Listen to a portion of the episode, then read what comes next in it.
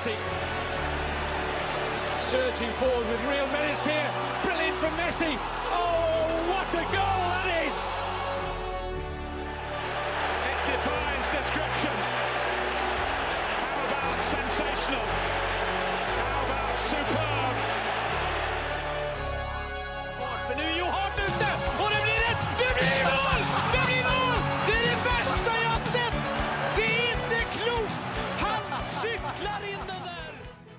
Ja da! Velkommen til episode 330 av den melankolske fotballpodkasten 90 minutter. Målet vårt er å ta med deg inn i en reise eh, hvor du blir omfavnet av europeisk toppfotball, diskutere siste nytt og, og snakke litt rundene i eh, helgens runder, heter det. I topp fem-ligaene. Du kan eh, trygt sette oss på øret, uansett uh, hva du måtte drive med. Altså være seg vaske huset, kjøre bil, ta kollektivt, snømåking, ja, ja. sove på stranda. Uansett hva som helst. Langt unna stranda nå, altså. Og forhåpentligvis langt unna snømåking òg. Men poenget er at vi er allsidige, og vi eh, fungerer til det meste. Mitt navn er eh, Thomas Edvardsen, og med meg i studio er jeg som vanlig Mats Granvold og Søren Dupker. God dag. Hallo. God dag, god dag. Ja, åssen er det med herrene? Litt pjusk. Du òg, ja? Mm. Jeg har vært dårlig i helga. Det er mye pjusk. Så, Ja, jeg har vært sånn ordentlig mannesjuke. Mm. Så det har vært litt uh, Lørdagen var tøff. Mm. Og så blei det gradvis bedre. og Mangler litt igjen på stemmen, men det begynner å komme seg nå. Ja, du, du er pjusk, og jeg og Søren har slitt med nattesøvnen. Dette blir en kongepodkast. hvis, vi er hvis vi er litt sløve, er det nok derfor i dag. Hvorfor har du slitt med nattsøvn? Nei, jeg, jeg tror jeg snudde døgnet i helga, og så skulle jeg legge meg i går, og da da var det Altså, jeg tror jeg hørte tre-fire forskjellige podcaster før jeg sovna. Ja. Mm. Kanskje du skulle slått av podkasten, så hadde du sovna Nei, men det er, det, er, det er det som får meg til å sove. Men, men helst noe Sett som på 90 minutter, så sovner du. Ja, da passer det jo. uh, nei, nei så, så, sånn får det bare være. Um, skulle, hørte jeg vi, vi har jo gjort det til vane å, og, snakke litt om, eh, om ekstremvær, og nå skal det vel komme 10-12 cm til, hørte jeg, i natt? Ja, da men jeg, jeg, så, jeg så i Oslo var det varsla plussgrader uh, samtidig som nedbør, da. Så kan Så da heldig. blir det regn. Kan være heldig, Uh, for nå, nå er jeg lei. Nå, nå orker jeg ikke mer. Uh, og så skal det jo komme sånn opptil ti varmegrader i helga, da. Det er fint. Smelter hele skiten vekk. Det er helt greit. Og så blir det is og holke igjen. Ja, for, men det, det var ekstremsport å komme seg til studio i dag. Ja, ja. Ja, den, bak, den bakken nedenfor her, den er Altså, Den kan ta livet av hvem som helst. ja du, må, du må ha brodder, helst. Ja, Ja, nei, det For, og, og jeg strør ikke utafor døra her, så det, du er ikke i mål før du kommer inn døra, faktisk. Jeg overlevde dagen i dag òg. Oi, oi, oi. eh, ellers så, eh, utover eh, pjuskhet og, og dårlig vær, vi, vi har det greit, eller? Ja, nå har jo banehoppinga kommet så smått i gang igjen, da. Ja, jeg er ser dette her på Twitter. Nå begynner den der feeden min å fylles opp av sånne Obo supercup. Ja, den, den skal jeg se. Jeg har ikke vært på noen kamper nå. Jeg vurderte den, eh, den på Grorud på søndag, eh, men dro heller også Gjerdrum mot Sand i Romeriksmesterskap. Den banen hadde jeg ikke fra før. Så var det litt sånn greit etter at jeg så resultatet for Gjerdrum Sand. Det ble 6-3. Og så, så endte den eh, Grorud-kampen jeg hadde vurdert, den endte jo 0-0. Så eh, sånn sett fornøyd med at jeg valgte den. Men eh, jeg kommer nok til å se på noen av de Obos supercupene. De spilles jo på fine tidspunkt òg, Sånn eh, lørdag, søndag 13-16. Det er jo helt gull, det. Mm. Mm. Det blei tap i første kamp, Mats, eller? Ja da, Ja. Ikke tenk på det. Eh, Nei, vi røyk 3-2 mot Strømmen, så resultatmessig så var det respektabelt, det. Mm. Men uh, Fortsatt. prestasjonsmessig var det Det er veldig varierende. Ja. Litt som i en treningskamp skal være. Og uh, med tanke på at vi fortsatt har en del prøvespillere, så var det vel kanskje å forvente. Frykta verre, og Ja. Han lever greit med det. Skulle gjerne hatt inn en 2-2, si. eh, 3-3 i så fall, da, når vi først slipper inn. Ja, men jeg tenkte mer at dere skulle klart å dra det i land. Ja, det er jo litt kjipt, men eh, det var fortjent at vi tapte. Eh, Og så var resultatmessig positivt. Nei, vi, eh, jeg, jeg tenker vi bare kjører, jeg, altså. Eh, Vi har eh, nok på tapetene i dag òg.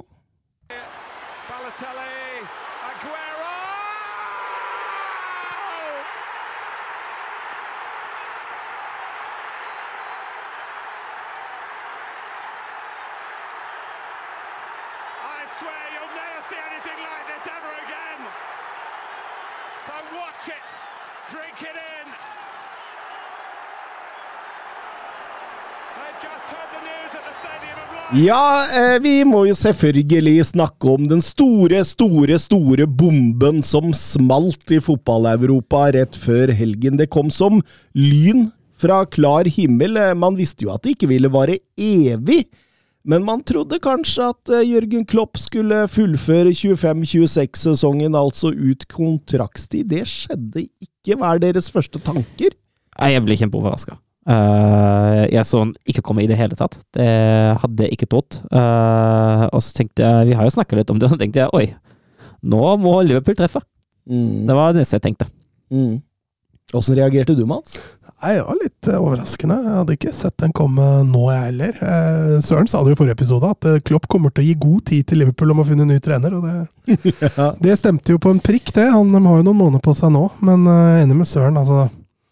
Nyheten i seg selv var, var sjokkerende. og så Nå er det et sånt lite veiskille for, eh, for Liverpool. Eh, at de ikke går i ja, Vi kan bruke mange typer feller her, men United er vel den som kanskje slår først inn her. At nå nå, men altså grunnlaget til Liverpool er såpass bra, da, så blir det spennende å se hva slags ettervirkninger det får i spillerstall, spillestil uh, etc. Så nei, De går jo en, på en måte en spennende framtid i møte, samtidig så Det får ikke gått så mye bedre. Jørgen Klopp, manageren i Liverpool-historien med høyest seiersprosent. eh, Det er helt spinnvilt. 60,7 eh, Hvordan skal man altså klare å erstatte dette? Altså Champions League, Premier League, FA Ja. Man videre alt. altså Sjeldent er jo ordet, ordtaket, å hoppe etter Wirkola mer treffende enn her. Ja, og så må man ikke glemme da Klopp kom til Liverpool, var ikke Liverpool eh, på veien oppover. Det var et Liverpool som eh, var på vei ned. Eh, Ja, ja, jo, jo. Eh, Jeg er for så vidt helt enig Ja. med deg, men de hadde jo hatt denne tida med Brennan Rogers hvor de hadde drevet og, og pusha Don't litt. eh. Ja, ikke sant? Sturridge og, og Suárez der som herja voldsomt. Og, og, men, men, men så var det jo plutselig at det gikk nedover en sesong der hvor Brennan Rogers fikk sparken, og så kom jo Klopp inn. Så, så, så det var jo et grunnlag der. Det var det jo definitivt, men det var jo et Liverpool som, eh, som han på en måte bygga litt om på nytt. da. Mm. Eh, så han skapte jo sitt eget lag, sin, eh, sin egen ja, kultur, og, og formet spillestaden akkurat som han uh, mente var riktig og passet ham bra. Uh, og, og det han har bygget opp altså selvfølgelig, Det er ikke vært scratch, altså det er ikke sånn at han har tatt et non-league-klubb og ledet dem til Premier League. Det var jo et grunnlag, da er jeg helt enig i det. Uh, men likevel, det han har skapt, uh, ut ifra de forutsetningene, at jeg syns det er meget, meget, meget sterkt. Han bygde jo på mange måter opp to lag. Eh, versjon én, eh, som vant både Premier League og, og Champions League med Mané, Salah og Firmino på topp. Eh, var i ferd med å bygge versjon to nå. Den er jo ikke ferdigstilt. Nei, han sa jo det at eh, mangel på energi var jo litt av grunnen til at, eh, at han tok avgjørelsen som han gjorde. Og, og jeg tror nok skal du skal du lykkes, eh, både i Liverpool og i Premier League, så, så er du nødt til å ha overskudd. Eh, ellers blir det vanskelig. Og det er klart, hvis han kjenner på det at dette blir tøft framover, så, så er det jo en forståelig, forståelig valg. Eh, men ja, nei, det blir, det blir spennende å se hva de gjør nå. Mm. Mm. Og det er jo der det som Søren snakker om her, den røde tråden. Den må jo på en eller annen måte slås Altså, den må jo følges på et eller annet måte. Og, og, og det kan bli tøft. Eh, jeg jeg, jeg veit ikke helt åssen retning de skal gå. Jeg har hørt mange navn nå. Vi kan jo f.eks. ta spørsmålet her da, fra Oskar Carveio Holm. Naturlige erstattere, snakk litt rundt dette. Erik Hatløy spør også. Ja, altså det naturligste som, som dukker opp for meg, som jeg også sett blitt nevnt oftest, er jo Xavier Alonso. Eh, Det var jo han vi tenkte på først. Ja. Det var jo det navnet som dukka opp i chatgruppa vår med en gang. Ja. Uh, og så altså er det jo Han ryktes jo å ha en utkjøpsklausul for Bayern, Real og Liverpool. Uh, jeg tror Leverkosten blir veldig letta da Angelotti forlenget med Real Madrid. Jeg tror den lettelsen er, er ganske omvendt nå. Han har jo ikke dementert noe heller i en pressekonferanse før helgen. Han har sagt at han fokuserer på Leverkosten akkurat nå. Den er jo litt kjent fra spillere som, uh, som kanskje tenker på en overgang òg, for all del. Uh, samtidig skal man ikke overinterpretere det heller, men uh, det er jo klart det er en litt annen spillestil. Altså, Alonso er ikke fremmed for, for høyt press og gegenpressing, han heller. Men det er litt flere fasetter der. nå spiller han jo en veldig kontrollerende fotball med har jo også vist før at han, at han kan gå gjennom forskjellige stadier for å utvikle det dit hen han vil. Da han overtok Leverkosen, var situasjonen kritisk i klubben. Uh, da fokuserte han litt mer på, på, press, på fart, på direkte spill og på å stå trygt, så han trygga Forsvaret først. Uh, det grunnlaget han finner i Liverpool nå, er jo vesentlig bedre enn det han fant i Leverkosen da han overtok, men, uh, men han, han, er jo Eller han framstår i hvert fall fotballsmart nok til å kunne implementere sin stil over tid og bygge på det fundamentet som han allerede finner. Uh, så sånn sett tror jeg han kunne vært et veldig godt valg, selv om det kanskje ikke er helt den røde tråden, og det måtte noen endringer til i, uh, i spillertroppen, men det må det jo alltid uansett. Men uh, jeg tror han klarer å forvalte det som er det, og sakte, men sikkert bygge det videre om til sitt. Ja, Trebecks-linje det, det, det, var jo kanskje Liverpool som var en av de første jeg så i Premier League med Trebecks-linje. Så, tilbake til røttene? Ja, det, altså, det er tilbake til Phil Babb og, og, og, gjengen, så dette er jo langt tilbake i tid.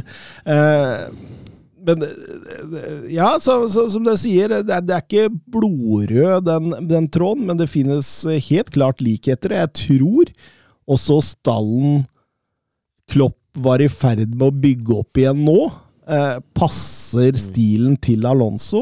Det det er noe som må inn der. En ny stopper. Kanskje to. Kanskje to, ja. Eh, Vingbekkene er jo der, og, og det framme er stort sett der. Så det, Sekseren mangler fortsatt. Ja, ja, ja. Og, så, så, det blir spennende å se, men eh, det, det, kan jo være andre her òg. Eh, lista er jo lang på, på managere som blir eh, linka. Um, kan ta noen av navna, de mest på en måte hva kan du si, ja? De mest realistiske, sånn i, i, i mitt uh, syn, da. Roberto Di Serbi. Hva tenker du om det, Mats? Nei, også en veldig artig fit. Eh, kanskje en av de som er på markedet nå som er ganske nærme Jørgen Klopp i spillestil.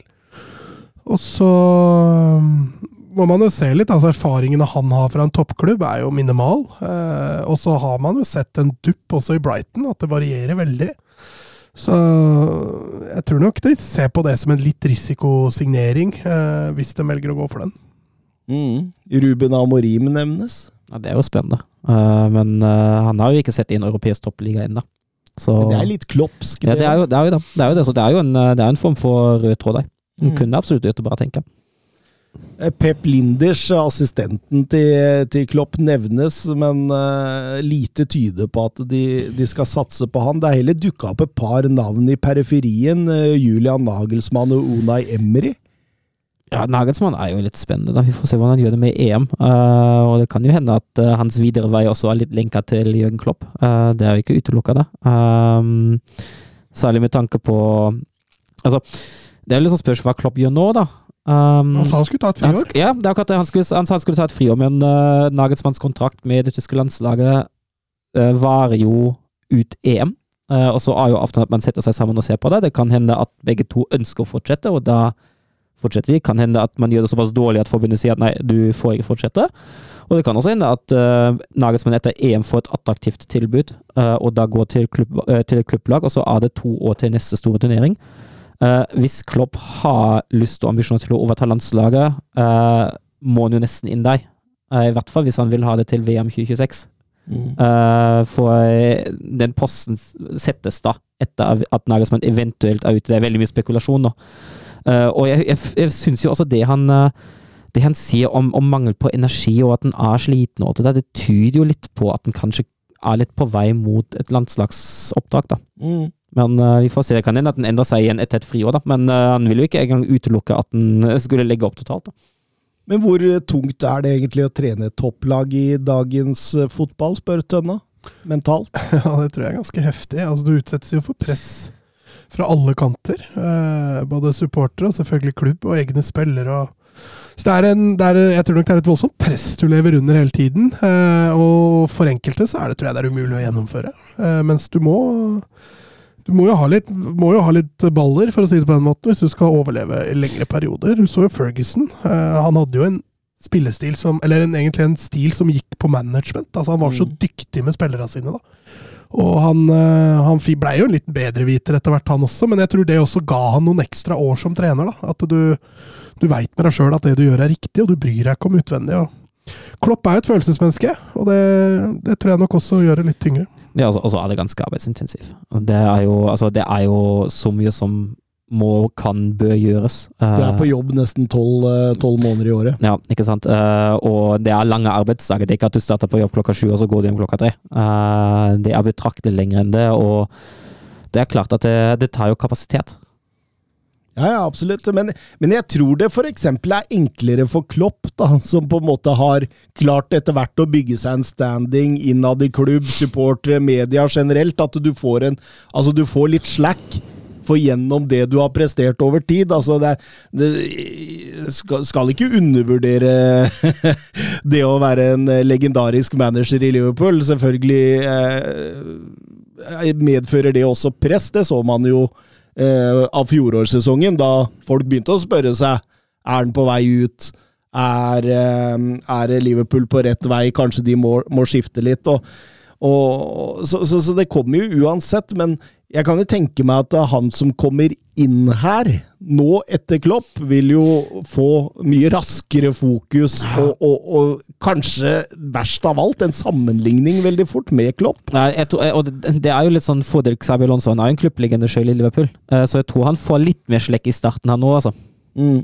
Pleier på som regel å ha en, eh, ha en positiv fortid i klubben. Ja, for man må huske på at uh, Alonso det, det gikk ikke på skinner fra dag én i Leverkosen. Det brukte tid. Ja, men uh, jeg tror også det Over til det med press igjen. Jeg tror Klopp legger mye press på seg sjøl. Ser liksom måten han håndterer media og, og motgang. Altså Jeg tror han tar ting veldig tungt. da. Så det hjelper liksom ikke så mye at uh, fansen sier ok, vi prøver igjen neste gang. Jeg tror han hva skal vi si, sitter mer på det enn det mange andre gjør. Eh, men ja, jeg, jeg, det blir ikke lett å hoppe til Klopp uansett om du heter Shabi Alonso eller Pep Guardiola. Eh, jeg tror, eh, jeg tror veien til Liverpool-hjertet det går ofte via passion, og, og, du må ha litt passion for å ta over Liverpool hvis du skal Mm. få dem på din side kjapt. Altså. Eh, Cristiano Donaldo lurer på om Klopp kan ende opp i Bayern München. Ikke, ikke på kort sikt. Nei, det, det, tror jeg, det tror jeg ikke nå, i hvert fall. Uh, jeg tror ikke han eh, Jeg tror ikke han tar Bayern, uh, i hvert fall med det første. Da tror jeg han tar helt friår. Mm. Men hvis vi var uh, Vi satt i Liverpool-styret nå, vi skulle plukke ut eh, kandidaten eh, Ja, vi kan begynne med deg, Mats. Hvem ville du valgt? Eh, José Mourinho. José Mourinho! Han må jo få sjansen i Liverpool. Er vel en av få toppklubber han ikke har hatt ennå. Nei, jeg, jeg tror jeg hadde gått for Shabi Alonso. Jeg tror både det er det tryggeste og Akkurat nå virker det veldig naturlig, da. Eh, for alle, egentlig. Ja. Vi, vi stemmer vel bare Ja, sånn. definitivt. Mm. Eh, men Alexander Bjelland lurer på eh, tanker rundt van Dijk, og det at han kanskje ikke blir med etter at Klopp gir seg. Altså, jeg tror ikke det hadde så mye med Klopp å gjøre når han sto der og svarte. Jeg tror det mer handla om kontrakten hans og kontraktlengden hans, fordi han var mer sånn Jeg, jeg veit ikke, jeg, vi får se hva som skjer, ikke sant? Altså, Så, så, så det, det kunne godt hende han hadde svart selv om Klopp var der, tror jeg. Ja, det kan godt tenkes. Altså, han er jo 32 år. Mm. Eh, det må man ikke glemme. Han er, han er helt topp nå, Eh, men det er begrensa hvor, hvor mange år han har igjen på sånn absolutt øverste nivå. Mm. Ja, neste kontrakt av hans blir jo, blir den siste store han får. Nei, Det blir spennende å se eh, hva som skjer med Liverpool fremover. Eh, vi kan love mye spenning, men eh, Men eh, det kan ta litt tid altså, før det er oppe igjen fra sommeren av. Vi, vi får se. Ja, nei, den, eh, den blir utrolig spennende den sommeren her. For jeg tror ikke en ny trener er på plass før tidligst 1. juni, i hvert fall. Nei. Nei. Eh, Liverpool eh, vant for øvrig 5-2 i FA-cupen mot eh, Norwich. Grusa Norwich med et reserveprega lag. Hele fire stykker fra eget akademi. Det var, var gøy å se. og hvordan Norwich klarte å skåre to i den kampen der, det kan du jammen lure på. Men det var en, en solid gjennomført kamp av, Liverpool og, og fansen. Selv om Klopp sa at jeg ikke kom på stadion og, og, og la det handle om meg, så handla det ganske mye om Jørgen Klopp, og det, det, det fortjener han for alt i verden. Um, Tottenham gikk ut av FA-cupen hjemme mot Manchester City. Um, hadde lenge et uh, press uh, på seg, og det, det glapp helt mot slutten etter mål av Nathan Akay. Og, og Petter Martin Støvland lurer på burde ikke Manchester Citys mål mot Tottenham vært annullert? Ja, jeg syns den er 50-50. Ja. Uh, jeg tenker Hvis han bestemmer seg for å blåse da fanget på keeperen, så, så, skal han gjøre det. Da er det ingen som kan si noe. Jeg tenker også det er helt fair å la det gå. Uh, og så er jeg i hvert fall glad for at ikke VAR gikk inn der og endret på det. For jeg tenker at dette her er en sånn gråsonesituasjon. For det er en kollisjon mellom, uh, mellom Diaz og Vikario, men Diaz angriper jo ikke akkurat Vikario. Han står litt i veien for Vikario. Han det, gjør seg litt større. Ja, og det, liksom, det tenker ja. jeg kan være greit. Ja, og det, det, er derfor jeg tenker at det er litt sånn 50-50. Uh, så ja. Ja, det er jeg for så vidt enig og jeg kjenner jeg ikke orker å bry meg så veldig mye. Manchester City var klart best. Uh, Tottenham viste at de slet uh, i, med å skape sjanser, rett og slett. Jeg syns Manchester City leverte en fantastisk god fotballkamp. ikke nødvendigvis Tottenham som var dårlig, så det, så, så, så det er helt greit, tenker jeg. Men ja, jeg tror ikke mange hadde klaga på om det blei frispark, men jeg tror heller ikke mange skal klage på at det blei mål. Det er litt sånn 50-50. Ja, savnet Eric Dyer ser du allerede. eh, Geir Halvor Kleiva, eh, hva tanker har dere rundt Guardiola hans framtid? Vil bevegelsen hos de andre managere og eventuelt Manchester Citys eh, 115 tiltaler gjøre noe med hans vurdering, tror dere? Ja, altså Sistnevnte tipper jeg jo fort kan, kan være ganske avgjørende. Ja, men det er det òg. Hvis du skjønner? Altså Det er, det er de, de, de, tiltalene som kan gjøre noe ja, det, med det. Fordi jeg tror ikke Guardiola bryr seg katta om de andre. Nei, nei, han tenker ikke 'åh, nå er Liverpool-jobben ledig'. Ja. det gjør det ikke. Nei, nei, men uh, det er klart at hvis, hvis uh, City blir dømt, og hvis det ender med at City sendes ned uh, fra Premier League, da blir jo ikke Guardiola deg. Og Det har han vel sagt også. Ja, og det er fullt forståelig. Drømmen er at den blir dømt nord og ned, og så går han hjem til Barcelona og skal rydde opp der. Men da har Barcelona allerede ansatt ny trener på en uh, tre-fireårskontrakt. Ja, Rudi Garcia eller et eller annet heter dem, da. Og tar den over for Kovac i Wolfsburg. Å oh, ja, takk. um, Kasper Viktor Ruud Haaland han lurer på uh, hva vi tenker rundt Pep Guardiola hans kommentarer rundt Omar Bererda-overgangen. Er han kun bitter, eller har han et poeng? Hvilke kommentarer er det? Nei, han, han, han sitter uh, på pressekonferansen før FA-cupkampen uh, mot Tottenham og, og, antyder vel at ved å hente Bererda, så må de ikke tro at alt ordner seg, og hvis de gjør det, noe som er lite sannsynlig, da, så bør de uh, rett og slett få en tribune oppkalt etter den med en eneste gang. Han, det, det virka litt småbittert. Ja, det, det, det høres, høres, litt småbittert ut. Jeg er helt enig i at man er litt sånn snytt, ja. Ja, fordi jeg tenker jo også det at uh, Guardiola han er jo smartere enn som så. Han veit jo at uh, et sted må inn i oss begynne. Mm. Uh, og, altså Jeg tror ingen i Manchester United er så naive at de tenker at nå har man henta Bererda, da ordner alt seg.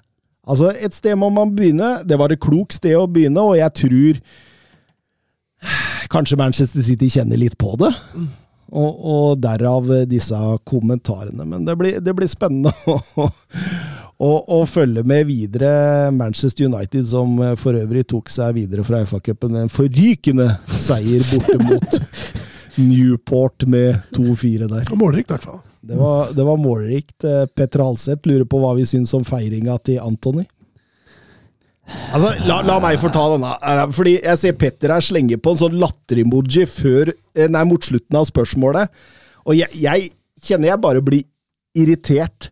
Altså, man står og feirer litt overlegent med å simulere at det er som et tebesøk, og han drikker en te. Han går også ned på kne som om han har vunnet VM-finalen. Jeg, jeg, jeg, føler det er liksom flaut. Altså, du spiller mot Newport, som sliter i league 2. Altså, eh, altså, Sannsynligvis da kunne overgangssummen til Antony kjøpt hele Newport fotballklubb, liksom. Og så står man der, litt sånn hoverende på en søndag kveld. Eh, alle vet at han har to smultringer eh, i, i Premier League på 17 kamper denne sesongen. Alle vet han har vært en gedigen flopp. Vis litt ydmykhet og respekt, da, for faen. Altså, for all del. Eh, det, det, det, skal være lov å være glad for å skåre et mål, det må han få lov til, men, men, men, men hopp i lufta, knytt neven, slå et par high five og smil litt mot fuckings Newport, og så kan du heller herje sånn etter å ha skåret vinnermålet mot Real Madrid i kvartfinalen i Champions League. Altså, hadde jeg vært Erik Den Haag Hadde jeg vært Erik Den Haag, så hadde jeg jekka ned, ass. Det der, der er ikke greit. Nei, altså Én ting er å juble vilt, for da kan du tenke at uh, det er litt passion over det. At, ja, altså, at, at, det er en lettelse. lettelse det er men det er noen gestikulasjoner ja. der som gjør det litt ufint. Ja, Det, det, det finnes jo ufyselig. Det, det, er nesten sånne hysjefeiringer. De har jeg også, de har jeg så oppi halsen. Det er noe av det verste jeg vet. Når det står spillere der og hysjer på supportene etter at de har skåra. Åh, få det bort. få det bort. Eh, Ole Haaland. En øvelse fra en annen podkast jeg hører på, selg tre og kjøp tre i Manchester Uniteds sommervindu. Realistisk, hvis du selger dyrere spillere, kan du kjøpe også litt dyrere. Uh, skal vi bli enige om noe, eller skal vi ta hver vår? Vi kan jo bli enige om noe. Ja, ja det håper jeg, for da, nå må jeg tenke. Nemlig. Ja, kan, kan vi begynne med å selge Anthony? Ja, da, da får vi jo sannsynligvis igjen halvparten av det vi kjøpte den for, da. Ja, noe sånt, ja. Og det er jo greie penger. Ja, det er 50 millioner, da. Det er fint jeg tar igjen 50 millioner for Anthony nå. Mason Mount, kanskje vi skal selge han òg? Får igjen halvparten. ja, jeg tenker jo det. Kanskje Casimiro. Ja. Til Saudi eller noe sånt nå. Prøve å få de til å splatte en halv milliard eller noe sånt. Nå. Det Oi, ja det er optimistisk, da. Ja, ja. Men hvis de splatter halv milliard for Casemiro, da splatter de en milliard for Antony, da. Kanskje det. Kanskje ja, men jeg tror ikke Anthony 23 går til eh, Saudi-Arabia helt ennå. Jeg, jeg, jeg, tror ikke det. Eh, jeg ville jo solgt mye mer her, altså Maguire, ja. Eriksen, Amrabat, men, men her tenker man å få inn mye penger for å kjøpe tre stykker som på en måte styrker sentrallinja og høyrekant, tenker jeg. Ja. ja. Høyrekant og Hvis vi selger Casemiro, så må vi ha inn en sekser, da. Martin Sobimendi, er vi med på det? Ja, den er fin. Den er fin. Enig. Ja, Han blir nok ikke all verdens dyr heller. Nei, jeg tror uh, de kunne fått For 60-70, kanskje. Mm. Stopper. Vi må ha inn en stopper. Jeg må ha inn en stopper. Uh... Antonio Silva, eller? Smelle 80 på bordet for han? Ja. Ja. Ja. Da har du en god uh, stopper i mange år. eller løse opp litt økonomiproblemene til Juventus og sende Bremer. Ja, det, det, kunne også vært mulig, men mm. da, da, da, da, går vi jo for mer, mer den litt mer rutinerte, eller litt mer fiks ferdig. Ja, ja. Det, det, det, er jo det de trenger. Mm. Hvem er skal ved siden av stopperne? Det blir jo Varan, da. Martin. Ja, Martinez. De har jo to bra ja, stoppere. De ja, men de burde ha tre. Det er, ja, det er for mye da, skader på Da er enig, da dropper vi Bremer.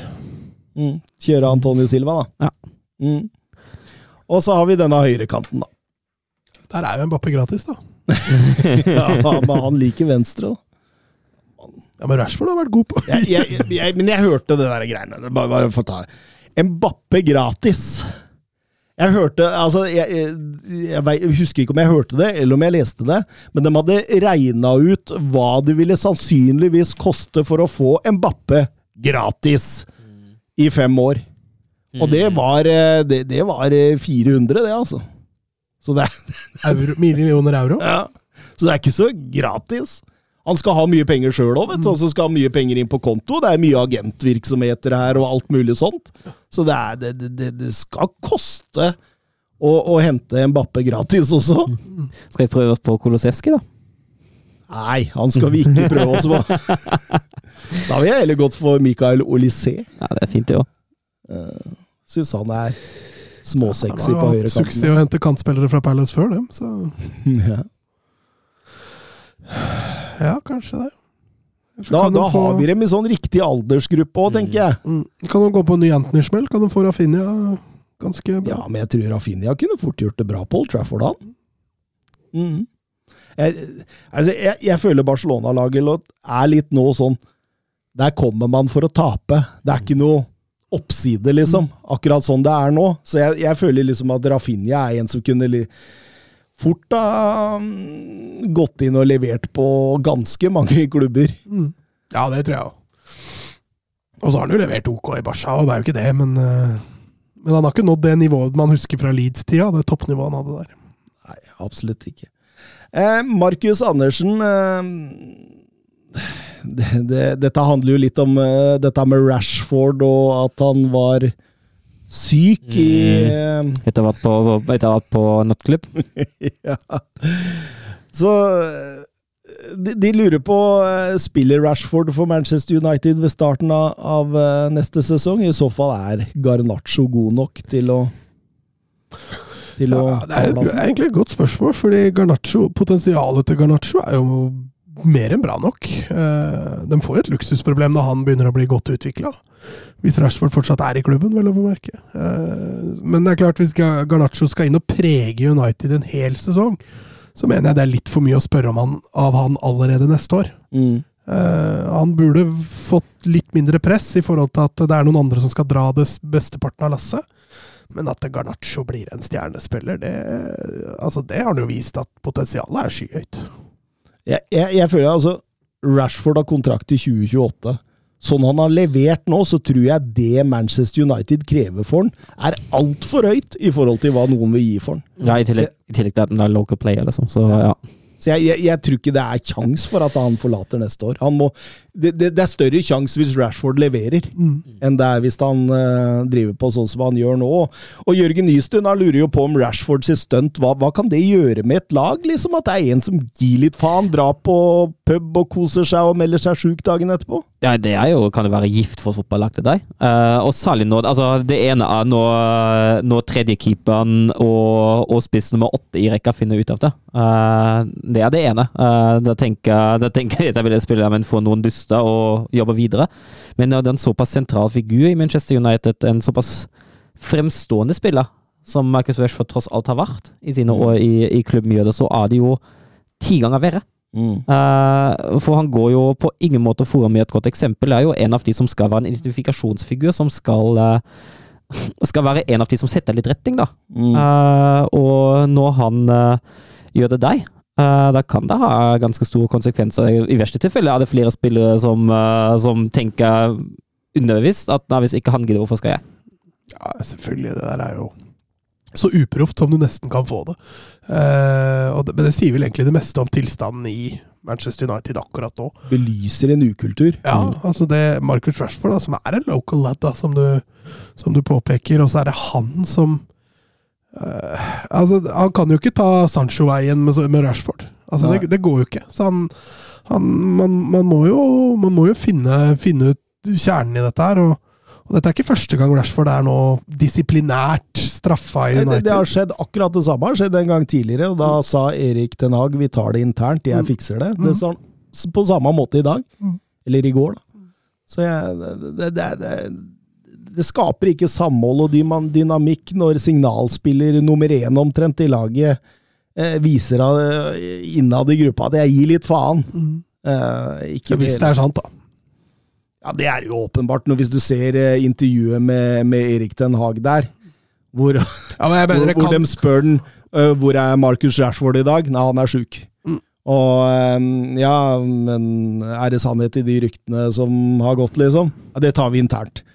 Eh, ja, men vi vil gjerne gjerne vite Det tar vi internt. Det kan ha skjedd noe, det er det jeg mener. Som gjør at uh, Vi kan ikke utelukke det helt, men jeg er enig i at det ser ikke bra ut. Og et par av disse engelske ryktemediene treffer jo ofte på sånne ting. Mm.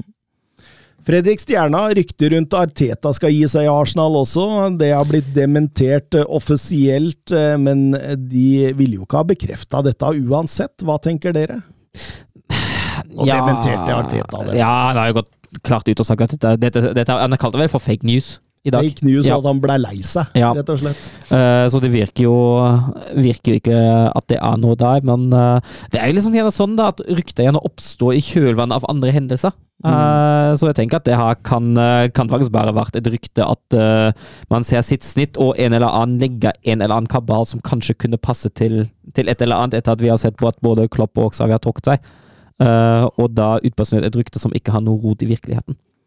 De fant ut at ryktet kom fra spanske medier, og uh, spansk medie lokalisert i Catalonia. Så det, så det, og, det, og det kom noen timer etter at Xavi hadde pressekonferansen sin. Mats. Ja, ja, jeg veit jeg så det sjøl. Umiddelbare tanke var jo at Barca hadde vært i kontakt med Arteta allerede, eller hans representanter. da, At det var sånn det ryktet oppsto, men eh, Nei, jeg, jeg, jeg hadde blitt litt overraska hvis Arteta valgte bort Arsenal for å ta Barcelona, sånn eh, tingenes tilstand er akkurat nå. Siste før vi går videre til La Liga. Claes Grønlin, Antonio Nosa til Brentford. Den så jeg ikke komme. Var ikke det et snodig valg? Kan risikere nedrykksstrid i Premier League som ikke er noe enkel øvelse. Tor Christian Stensrud lurer også. Ja, og så altså, er det jo Brentford spiller vel ikke med Nosas favorittposisjon som en kant heller. De spiller med vingbekka. Ja, Uh, ja det, det, det er delt. De, de er veldig Altså, Thomas Frank er en 4-3-3 skråstrek 2-5-3-mann. 2-5-3. 3-5-2. mm.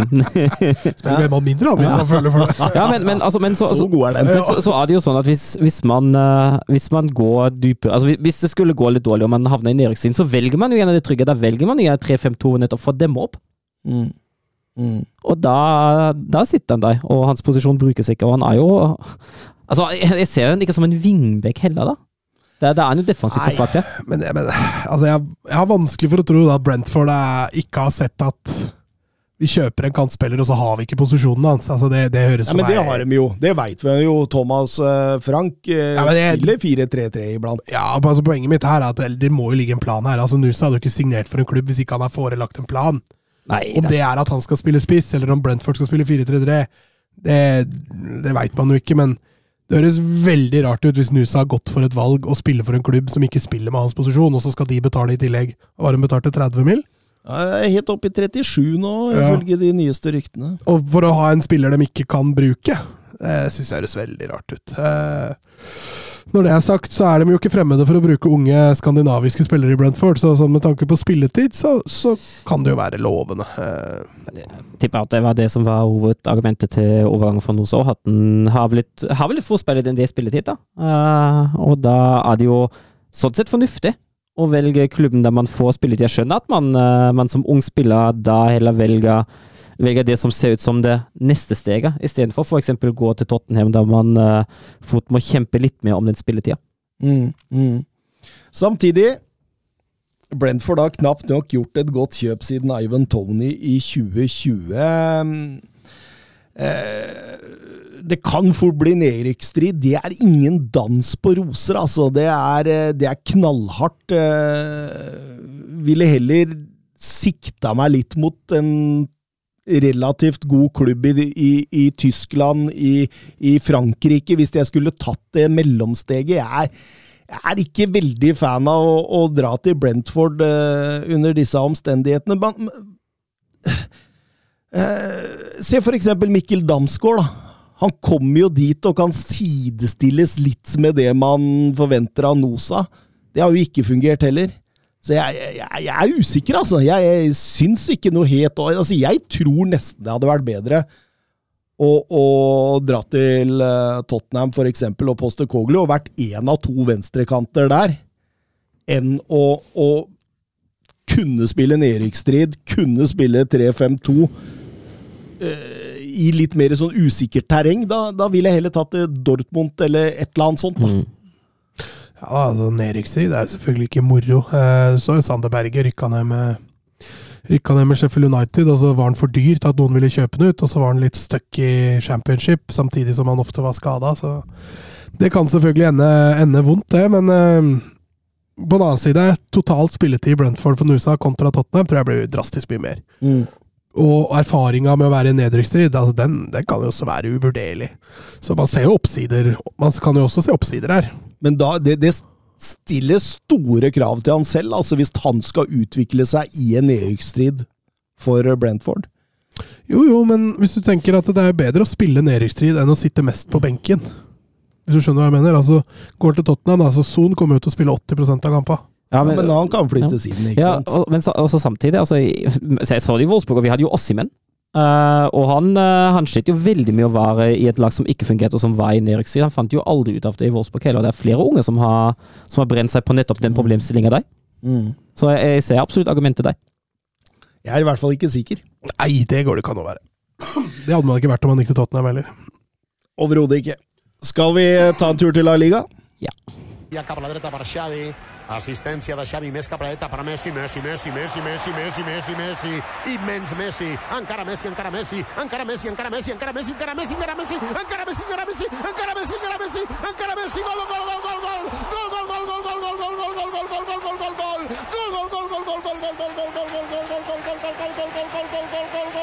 Vi eh, begynner med Las Palmas mot Real Madrid. Las Palmas på mange måter imponert denne sesongen. Ligger på en åttendeplass. Kun tapt to hjemme. Var vel mot Rayo og Barcelona, så vidt jeg husker. Og, og er på mange måter et lag som har gått litt under radaren, men hvis det ikke hadde vært for Girona, så hadde de uh, fått mer enn nok. Eh, går det Går det bra borti der? Ja, jeg sliter litt nå. Skal du ha litt vann, kanskje? Ja, jeg lurer på det, gitt. Eh, Nei, jeg, du skal slippe å drikke av den. um, eh, Real Madrid, selvfølgelig store favoritter her, eh, men må mange hakk opp fra det man så mot Almeria, eh, hvor man på mange måter kunne takke var for tre poeng. Eh, med Jude Bellingham suspendert, så var det jo ikke noe Det var jo ikke noe eh, Hva kan du si? Walk in the park. Det var ingen som trodde det. Nei da, Nacho var jo inne på laget igjen, og Fran Garcia fikk tillit fra start, og Ceballos erstatta vel på mange måter eh, Bellingham, eller Brahim Diaz, i hvert fall. Så, så det var litt røring i gryta fra, fra forrige match, som kanskje seg hør og bør etter hvor dårlig det var mot Almeria. Og så starter det jo veldig rufsete her òg, da. Eh, Las Palmas under Pimienta har en veldig tydelig spillestil. Eh, litt sånn Basha light eh, i forhold til frispilling og, og etablert off. Men eh, Real Madrid sliter med å få, få tak på dem i starten, og klarer ikke å skape de helt store. André Schjelderup lurer på om Real Madrid er heldig som ikke får et straffespark eh, mot seg på på 0-0. Eh, trenden fra Almeria bare fortsetter, sier han.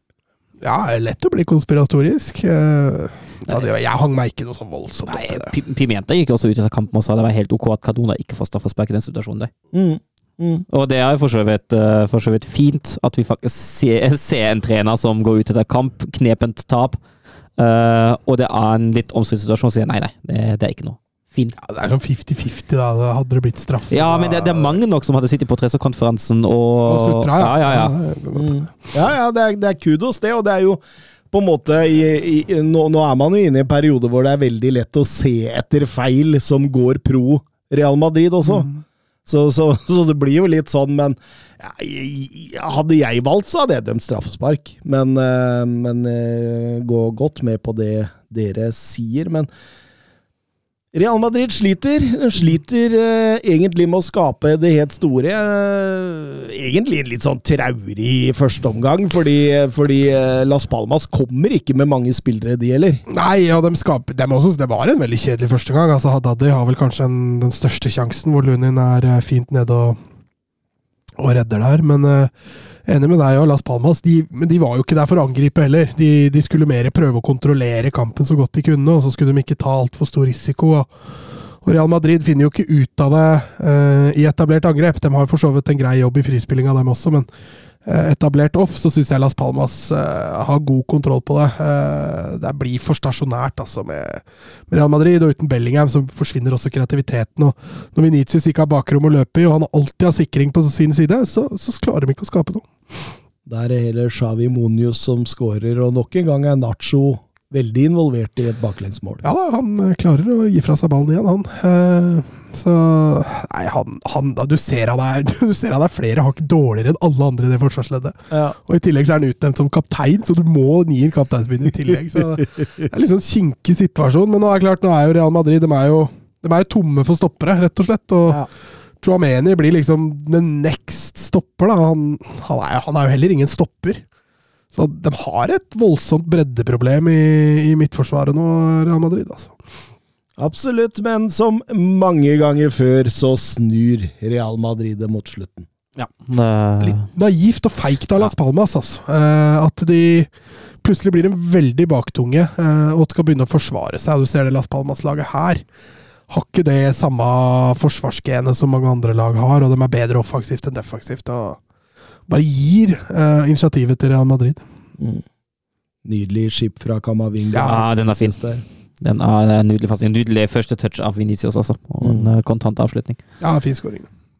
Og Shuameni på en corner mot slutten av kampen, så er eh, rett og slett eh, Så er rett og slett eh, tap snudd til seier i løpet av en rundt 20 minutter. Og, og selv om Las Palmas prøver å komme tilbake her, får i tillegg, åtte, åtte minutter tillegg å, å gjøre det på, så, så Det er litt sånn mentalt, da, når du ligger bakpå i 20 minutter og så skal omstille til å begynne å angripe. Det er ikke lett, og du ser til og med da, når de trenger mål, så tar de ikke veldig stor risiko. Nesten, så hadde nesten mitt inntrykk av at det var ok å tape 2-1 på slutten her.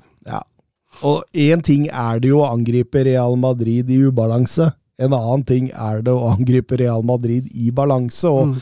etter 2-1-målet der, så går jo Real Madrid rett og slett i et slags 'nå skal vi se denne kampen ut'. Mm. Og, og da ble det jo selvfølgelig vanskelig for dem å, å komme tilbake. Jeg tror til og med faktisk Real Madrid la seg i en sånn 4-4-1-1 mot slutten der, jeg. Mm. Ja, fikk jo inn på Drameni og Valverde og, og Mendy, så de fikk jo inn litt defensive, eh, defensive fibre der. Arda Guler kom jo også inn da på slutten, så fikk jo første glimt av han sånn skikkelig. Mm. Eh, Vi må videre til eh, Barcelona via Real Barcelona. Selvfølgelig store favoritter mot et Via Real-lag som sliter voldsomt denne sesongen. Har kun én seier siden slutten av november, og det har ikke gått nevneverdig bedre for den tredje manageren for sesongen der. Eh, Sist uke var det Pau Kobarsi som eh, fikk debuten. Denne gangen var det Hector Fort. Eh, Det er voldsomt, og det kjøres på med unge spillere i Barcelona for tida. Ja, da fikk han vel strengt tatt ikke debuten, da, for han debuterte jo La Liga-debut. i Ja, La Liga-debut er riktig. Han debuterte jo i Copa del Rey i, midtuka, som også gikk til helvete. Eh, så Nei, men han, han ser jo for så vidt frisk ut, han eh, Hector Ford. Eh, er jo en unggutt, en venstrefota som kan bidra mye offensivt. Men det understreker jo utfordringene man har i Barcelona også, med, med mye skader. og og en, eh, ja, Hvis det var en svak førsteomgang av Real Madrid, så kan vi vel påstå at det samme gjaldt for Barcelona i den kampen her mot Villarreal, hvor eh, man skaper fryktelig lite offensivt. altså. Ja, eh, det, jeg, jeg syns det begynner bra. Mm.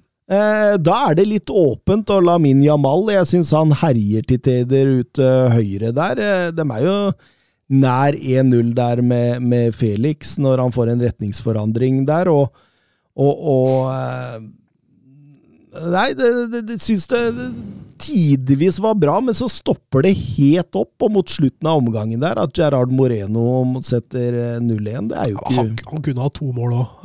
ene som var eh, går inn og bryter, og, og den andre som, som Penya redder der. Så eh, ja da, Barca var fri Jeg vil si de var i hvert fall mentalt friske i starten, hvor de står litt høyt og er offensive i huet. Men eh, måten man svarer på det utover kampen der, er jo begredelig. Ja, for Xavi gjør tre bytter i pausa, åpenbart ikke fornøyd. Eh, Ut, eh, nei, inn med Cobarsi, eh, Cancelo og Pedri. Sender også Ferran Torres og, og Vito Roche tidlig i oppvarming, så det er, jo, det er jo et signal han sender til spillerne sine her etter en svak førsteomgang. Ja, definitivt. Så kan vi diskutere hvor mye det hjalp umiddelbart, da.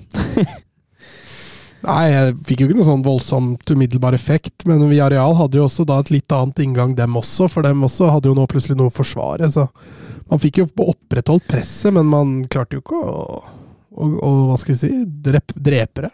Og 0-2 kommer jo av en stor personlig feil av Cancelo. Mm. Ja, Cancelo kommer inn der og er, eh, har nesa mot eget mål, og skal vel prøve et tilbakespill av noe slag, kanskje? Jeg vet ikke. Uh, uansett så ender uh, Akomars, tidligere Barca-spiller, opp med å snappe den, og kommer aleine med Fenya og gjør, gjør ingen feil.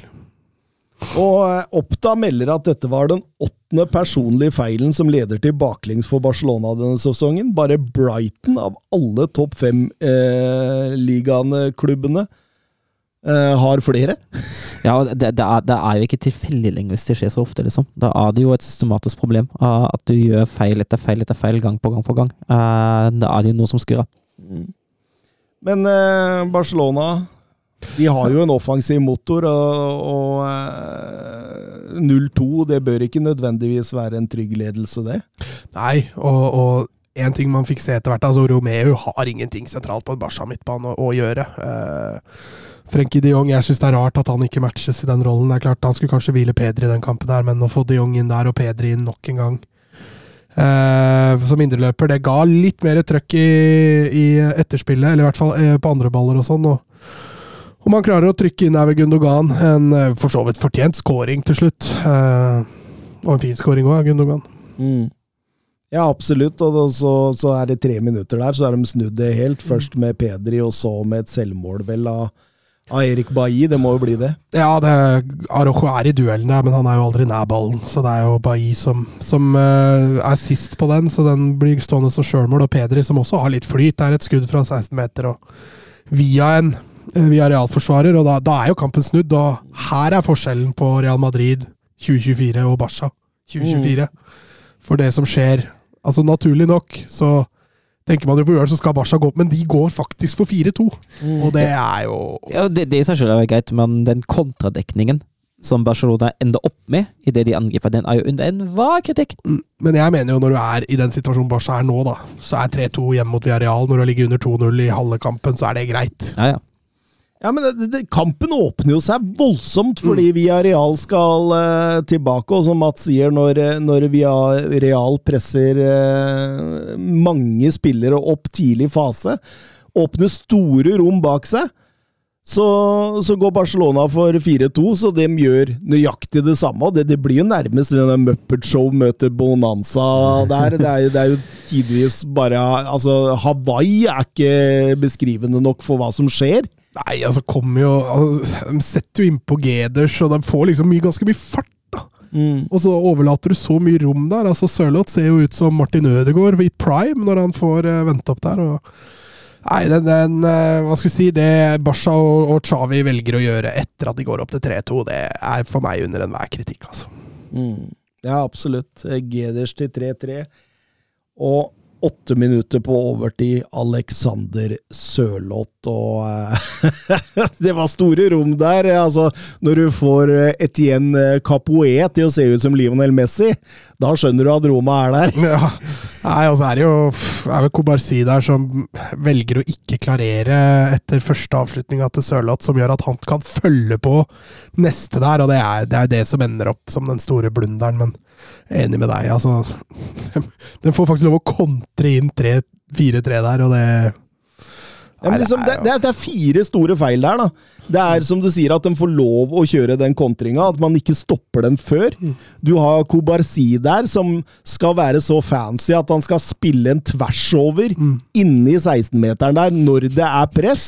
Du har, eh, du har Arojo, som sender den ballen rett til Kapoe Capoe igjen. Mm og du har eh, Inyaki Penya, som hva er det han driver med der? Du må jo komme ut med kroppen din, med ja. hanskene. Han, altså, han, prøver bare å skyve bort ballen. Ja, Så han sparker jo egentlig ballen i Sørloth igjen. Mm.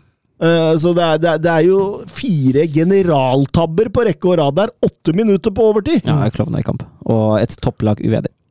Ja, det er litt det jeg mener. Det er det som er litt forskjellen. Og Barca har jo Det har gått den pila for dem lenge nå.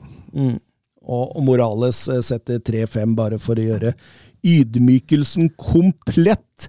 Villarreal er kun det femte laget i La Liga-historien som skårer fem borte mot eh, Barcelona, og ingen lag i topp fem-ligaen har sluppet inn flere mål enn Barcelona i 2024. Nå skal det også sies at de har spilt litt flere kamper enn de fleste, da, men Ja, men fraværet til testing så vi merket også. Uh, ja, skal, det, det, er ganske merkbart. Altså. Nå skal vi ikke skylde på, på Barin Jakipenya, det, det, går ikke på ham, men uh, det går liksom på forsvarsrekka, og at Testegen har redda ganske mange av de såkalte ureddbare.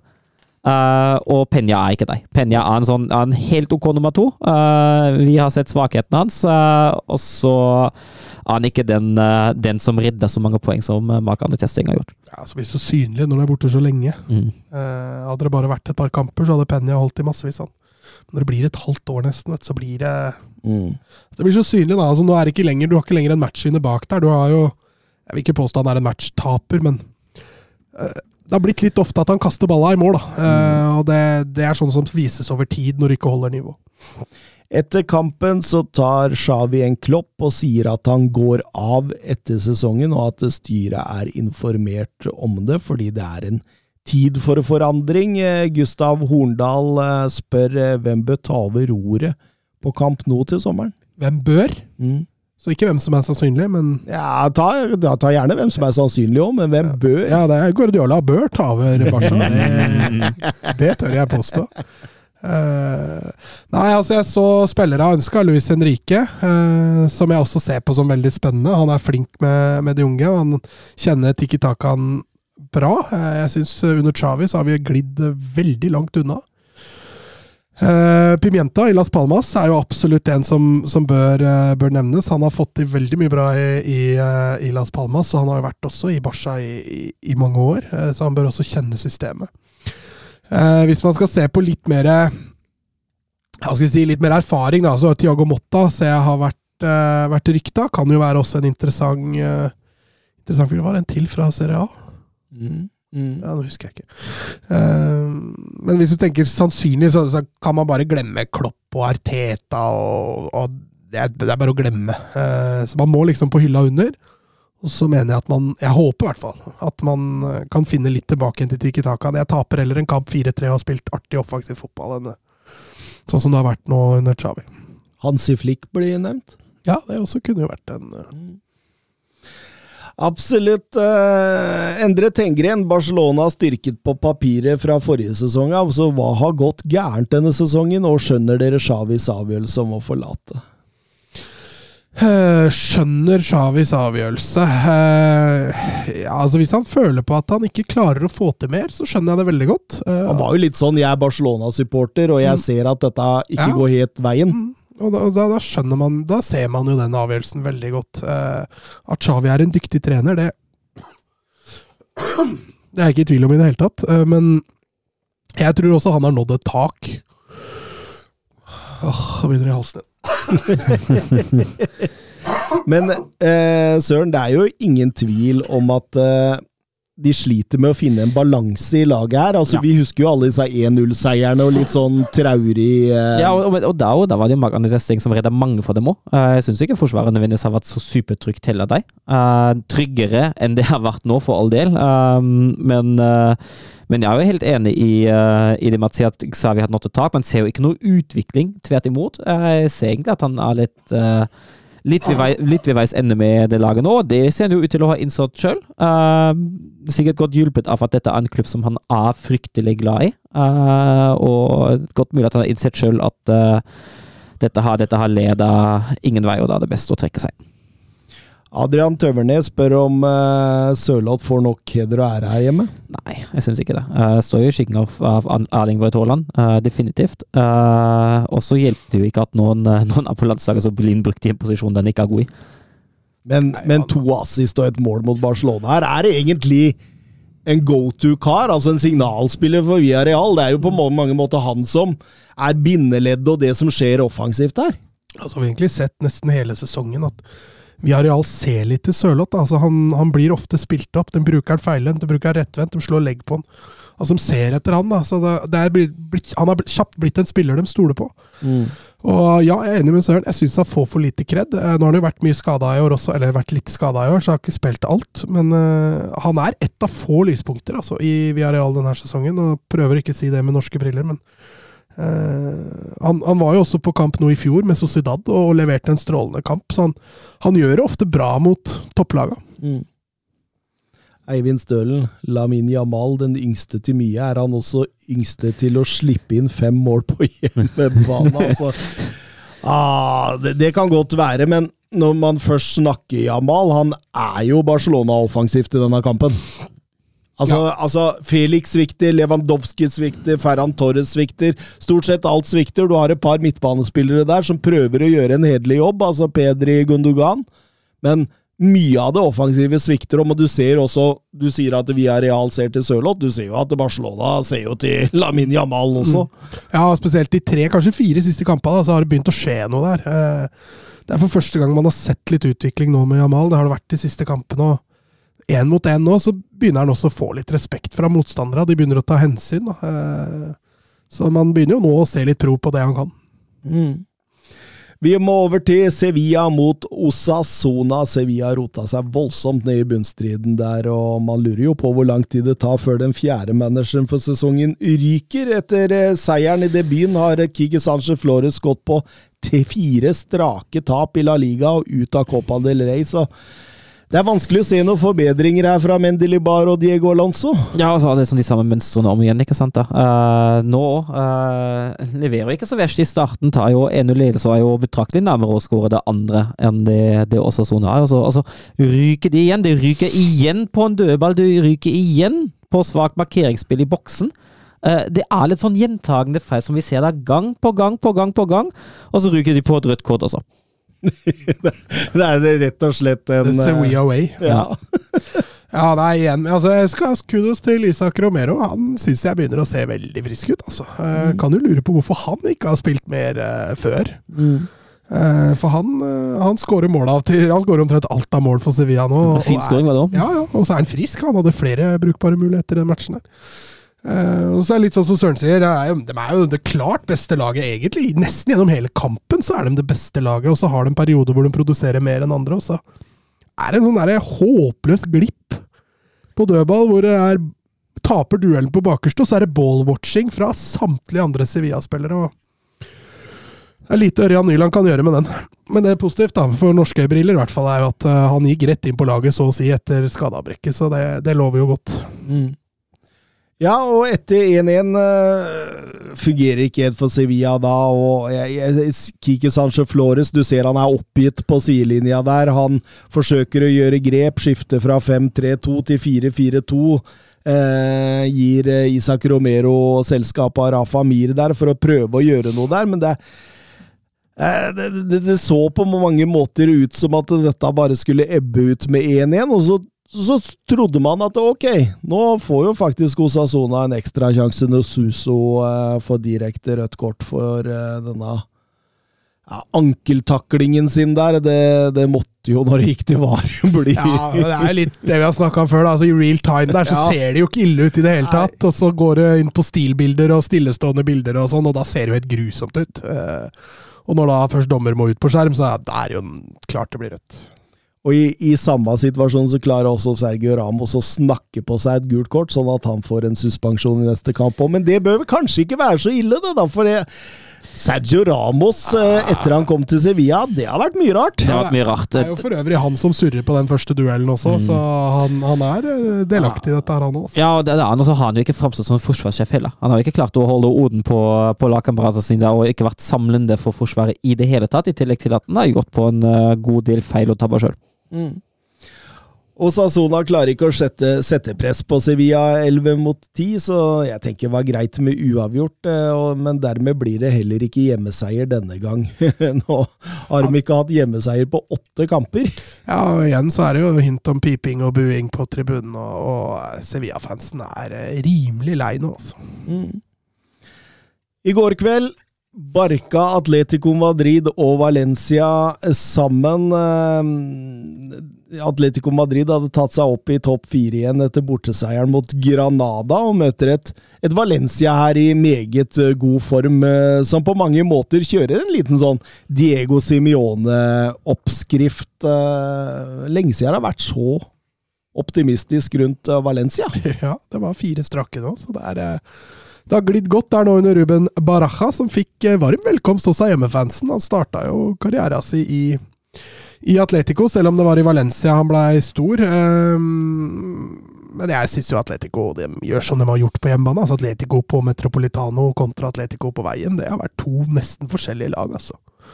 Og de går ganske i strupen på, på Valencia fra start. Og det er så bunnsolid, det de leverer her. Mm. Det, er, det, er, det er liksom Det er ikke spektakulært, det er ikke et fyrverkeri. Men det er så solid, som, altså gjennomført som et lag, da. Mm. Eh, at du kan jo Du sitter jo nesten bare og beundrer det. og Når Samuel Lino setter 1-0 rett før pausen, Ja, der, så tenker man at eh, Valencia kommer ikke tilbake her. Han, han var generelt frisk uh, i et solid lag, som du sier. Er mye som skjedde via Lino, og når han blir vendt opp, det blir trøbbel nesten hver gang for Valencia. Ja, han har vært litt ute av det form siste tida, men jeg syns han var frisk igjen nå i den kampen her. Og. Eh, Molina på motsatt bekk. En av de bedre kampene han har levert også, så det glei, glei veldig bra. Så har de funnet en god midtbanetrio eh, med Barrios og Koke og, og De Paul. Eh, det virker som det nå er elveren, og det syns jeg er kult, for Barrios han har også sett veldig positiv ut. Eh, nå har de også henta en interessant belgier, så vi får se åssen han passer inn. Men kjenner jeg Simione rett, så er vel ikke han spilt inn i laget før om to år. Nei, Steffen Hansen han spør om dette Fermeren for 22 pluss add-ons. eh, deres kloke tanker rundt det er jo et av Europas største midtbanetalent. Ja, så sånn var det jo et skupp for, for Atletico Madrid, Uh, men det blir jo Han har en litt interessant spillestil for det laget. Ja, Veldig energisk, Mm. eh, veldig Duellsterk, liksom. duellsterk og litt sånn toveis. Eh, tenker han kan gå fint inn i en sånn indreløperrolle Ja, etter hvert. så lenge de skal spille 5-3-2, så, så tror jeg han passer greit. Eh, Jeg tror de har lært sånn i forhold til at de ikke skal ha noen nye Joao Felixer og sånn, så, så er jo han en helt annen type. Mm. Ja, absolutt. eh, Og det er jo Jeg, jeg, må innrømme, jeg, jeg blei litt småskuffa over Valencia. Jeg føler egentlig at de ikke helt forsøkte, hvis du skjønner. Nei, altså De offensive da, som er avhengig altså Hugo Duro hadde jo en veldig avdag. Ja. Og det kan du godt si om de kanta, altså Lopez og Perez. Og de, ikke, de klarte ikke å diske opp noe som helst. Nei, absolutt ikke. Skulle vi, skulle vi fiksa noe vann til han der, da? Tar det mellom La Liga og Bundesliga. Nei, det, det er jeg helt enig med deg, og, og eh, selv om eh, de skaper noen farligheter mot slutten, altså småfarligheter, så det, det, det jeg er full kontroll. Ja, absolutt, så det er greit. Det spiltes eh, kamp eh, i eh, Baskerland også, Real Sociedad mot Rayo Vallecano. Det er en av de kjedeligste fotballkampene jeg noen gang har sett, og jeg måtte inn og se på XG-en etterpå. Bare for å liksom Klarte de 0,5 til sammen, eller? eh, Nei. Nei, ikke sant. Eh, XG-en ligger på 0,19 mot 0,11. Ja, fy fader. Altså, Martin Subimendis eh, målsjanse i første omgang der er den største. Den hadde en XG på 0,06. Altså, jeg har aldri sett en flatere fotballkamp, og det er klart det at den spoleknappen den fikk bein å gå på, den, altså. Det der, der orka jeg ikke. Det var den traurigste kampen i hele La Liga. da. Nå har La Liga vært ganske målrik de siste rundene, men akkurat den kampen dro ned, Den dro var nok, ned eh, voldsomt. Drøyeste kampen i topp fem-ligaen i år, eller i den sesongen her. Ja, ja, og, og, og når du snakker om å bikke 0,5 i XG, Cádiz Atletic Club, den Altså, den eh, bikka vel eh, 0,5 eh, i XG med eh, rundt 0,06. Der gikk Adis inn for 0-0, altså. Ja. Det tør jeg påstå. Altså, Bilbao fikk det ikke lett i den matchen der, altså. Absolutt ikke. Og så må vi ta med Girona fortsatt er på vinnersporet, Mats. Ja, de hadde litt eh, flyt nå. Strand Larsen hadde to kjempekjanser, blant annet, i den matchen der, så Men Girona spilte en veldig god første omgang, og så var det litt avventende i andre omgang, så de hadde litt flyt som fikk med seg tre poeng, men det er gjerne det gode lag har, da. Nå går vi inn i februar. Girona leder La Liga, riktignok med én kamp mer Mhm. spilt, men Den blir nulla ut på torsdag. Da er det Real Madrid-Getafe. Ja, det blir jo spennende å se. Det blir vel sannsynligvis 1-0 til Getafe til pause, det, og så snur de det i andre omgang. Ja. Men de er altså 11 poeng foran gigantene Atletico Madrid og Barcelona, og det er 13 poeng ned til nærmeste Champions League-plasskonkurrent. Ja, det er kult. Det blir, det blir fort Champions League i år, altså. Det, det, det blir fort Champions League. Jeg lurer på hva City Group gjør da, hvis de Girona og Manchester City kommer i samme gruppe. Men er det lov? Nei, det er jo ikke det, men du kan søke om en slags dispensasjon og noe greier. Altså, jeg, jeg, jeg tror liksom eh, Det er ikke bare samme gruppe engang, det er samme turnering som ikke er lov. Så det, det Jeg husker det var litt snakk om det da, da Ingolstadt lå litt bra an og kanskje snuste litt på, uh, på Europa League. Det var en periode der Wolfsburg også snuste litt på Europa League. Uh, og Audi, som er eieren til Ingolstadt, er jo en del av Volkswagen Group, som er eieren av, uh, av Wolfsburg. Uh, og hva man, hva man gjorde i de tilfellene da, hvis det skulle skje. Um, spilte jo mot hverandre blant annet i cupen, det var ikke noe problem. Eh, men det hadde, vært, eh, hadde muligens vært en utfordring i internasjonale turneringer. Ja, det, man kan få mange sånne caser framover. Altså. Men Salzburg og, og Leipzig, har ikke de vært i Champions League samtidig? Ja, de har jo det. Men eh, Men da, vet jeg ikke helt hvordan det er med altså, Red Bull Salzburg spiller jo under FC Salzburg i Champions League.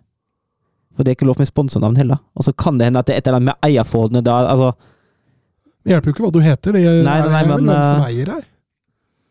ja, men det, men, men det har blitt gitt dispensasjon, veit jeg. Jeg husker ikke helt i farta hvem det var. Men det er vel et par sesonger siden det ble gitt en dispensasjon, at det, det var greit at eh, Og det tror jeg til og med var i Om det var i Europa League eller Champions League, jeg er litt usikker, altså. Jeg kommer ikke helt på det. Men at det, det ligger en mulighet der, det gjør det. Men at det, det, det må gjennom en papirmølle, altså. Kanskje, kanskje City spiller championship, og så blir Girona nye flaggskipet til City Group? Ja, Kommer Haaland til Girona? Ja, Guardiola tar over der og får flytte hjem til Catalonia. Har sikkert satt pris på det. Vi går til Bundesliga. Er macht ein richtig gutes Spiel. Jan Schimonek. Die Wolfsburger lassen so gut wie nichts zu. Grafit. Grafit gegen Lell. Jetzt wird's eine Demütigung. Guckt euch das an. Bist du verrückt? Bist du verrückt? Tor des Jahres. Die Bayern. Yes, vi begynner med Augsburg mot eh, Bayern München. Eh, Bayern vant den uhyre viktige hjemme hengekampen mot eh, Union Berlin i midtuken. Sju Sju poeng blei fire, men det var, det var mye rusk i maskineriet Ja. da også. Hva tenker du, Søren? Var det mye rusk denne gangen? ja, det syns jeg, da. Eh, Jeg syns Bayern bruker lang tid på å komme i gang her. Eh, litt sånn de samme greiene som vi har sett, at man men, men er litt sånn dårlig i frispillingen. Det er sånn enkle balltap, det er litt sånn statisk igjen. Man, man kommer opp på kant, og så stopper det igjen opp der. Man finner ikke helt veien inn i sentrum. Og, ehm, og etter at uh, etter at Augsburg skåret offset-mål, så syns jeg det blir bedre. Bayern tar litt sånn gradvis kontroll over kampen, men uh, men det tok sin tid. Eh, på ingen måte en, en overbevisende forestilling i starten. da. Jeg var for så vidt heller ikke resten av kampen. da. Nei, ja, det, det, jeg er enig med deg. Det er mye av det man har sett. Da, at man står litt høyt ukritisk med fireren ofte. At man slipper press på ballfører eh, litt for enkelt. At man får disse overgangene imot seg. Det, det er jo lett å forstå at Augsburg er veldig direkte og spiller rett inn i bakrom hele tida. Så har jo ikke presisjonen alltid vært 100% der. Men men, men det ligger jo store muligheter her, og det det er jo et sånn varsku for Bayern München, det som egentlig skjer. Ja, altså det, det, det er litt sånn Bremen har gjort det samme. Uh, Union klarte jo egentlig ikke helt. Frankfurt gjorde det. Ja. Uh, og det er en sånn måte, måte å, å gjøre det på mot Bayern nå, og det har de ikke klart å demme opp på. Når de står så høyt, så må du presse, så må du må du være god i den offensive markeringen, det, det klarer de ikke i det hele tatt. Det er litt sånn eh, Litt som om man, eh, man, man gir litt blaffen, da. Mm, mm. Og eh, etter at Pavlovic setter 0-1 der, så er det jo så blir det jo mange dueller og mye, Ja. mye trykk, og, og Augsburg-spillere blir relativt forbanna på dommeren, for de mener at mange 50-50 går dem imot.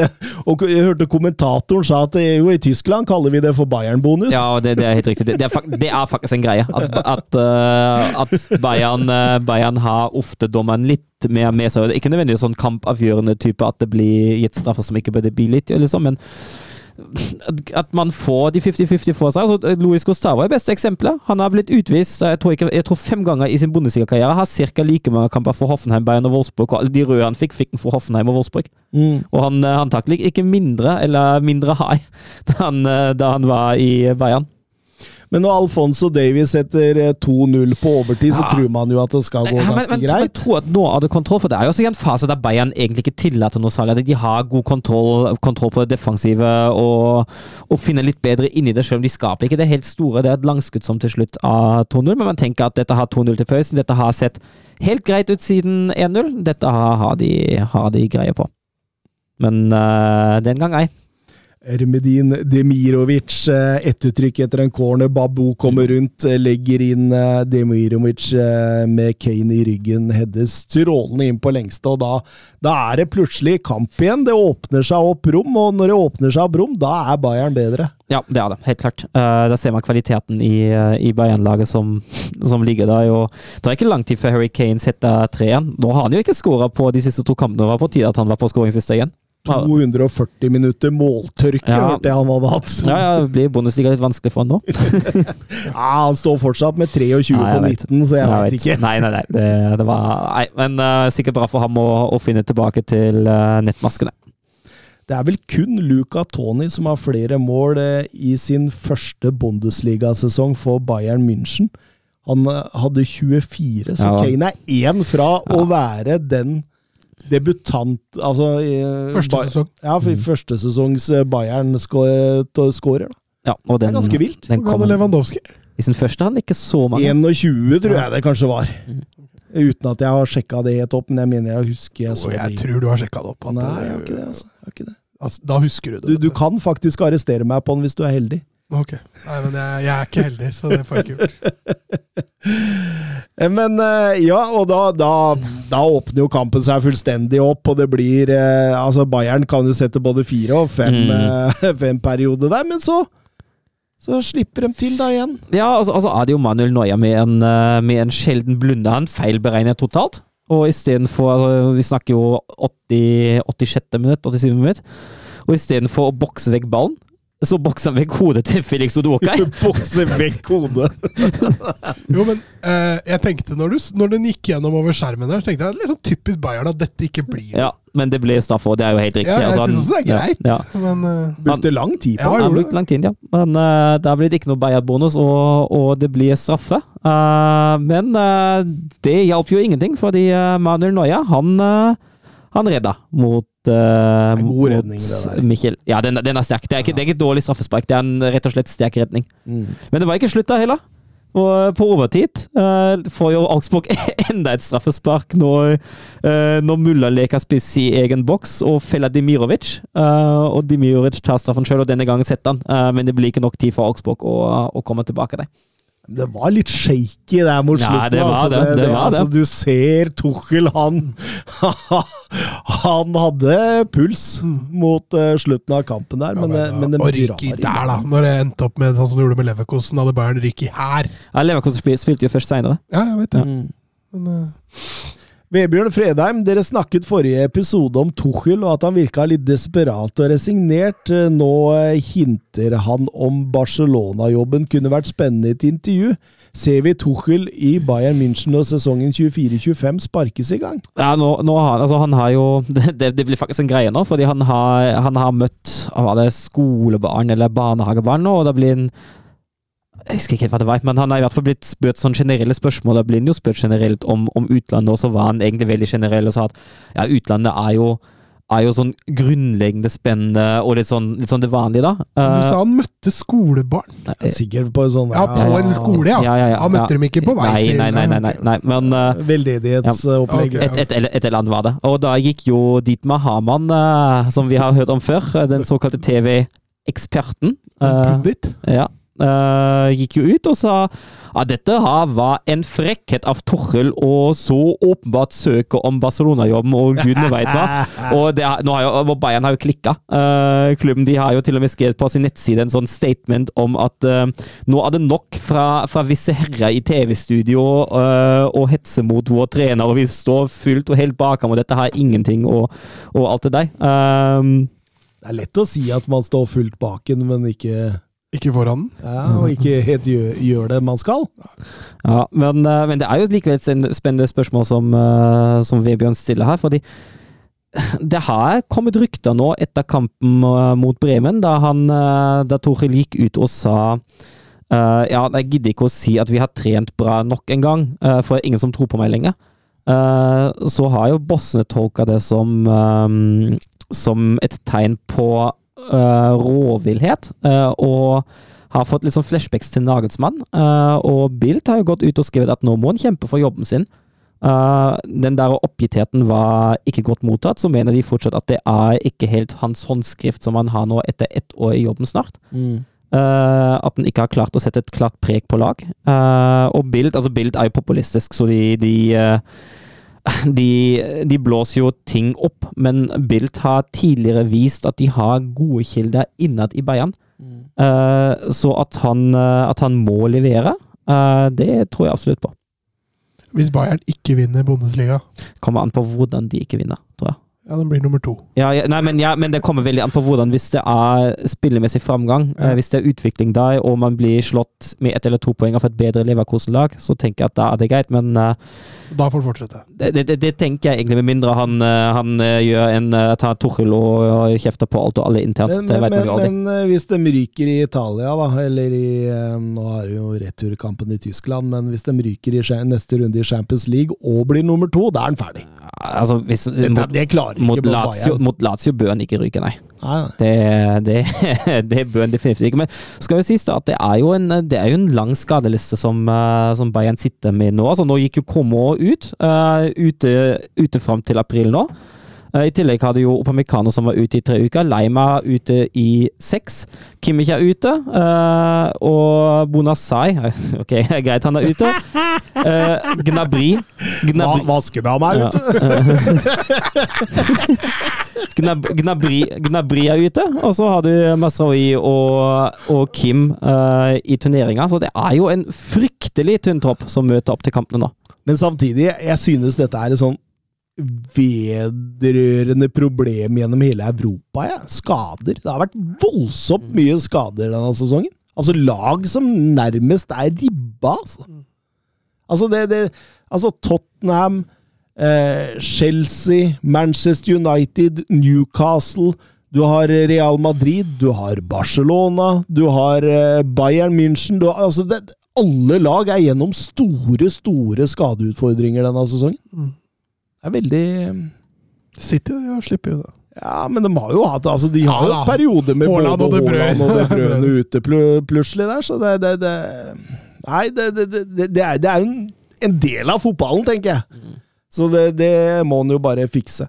Eh, Alex Bjørkan, har dere noen tanker rundt nivået på de siste Bayern-signeringene? Saragossa, Irankunda og Boyi. Eh, Hobber lurer også på hva Bayern München har fått i, i Sasha Boyi. Vi kan jo starte med ham, da. Eh, den eh, evige jakten etter en høyrevekk har jo nå fått, en, eh, fått en slutt i Sasha Boyi. eh, 23 år gammel, kommer fra Galatasaray.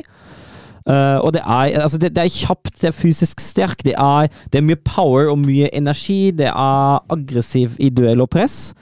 Um, og så er det Altså, er det litt sånn altså, Man snakker litt om at Masraoui han er defensivt litt for svak til å være på det absolutte toppnivå. Men jeg føler jo at det er litt sånn som med Bowie òg, da. Altså, det er jo en spiller som du fort kan glippe for. Uh, særlig i posisjoneringa.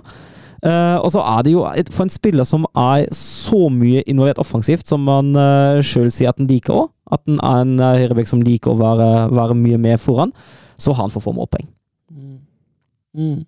Men, men en spennende type. Ja, ja, ja, og så altså, han er jo bare 23, så det er klart at det ligger potensialet der. Og jeg syns jo det er kulere at Bayern går for Bowie istedenfor en 33 år gammel type.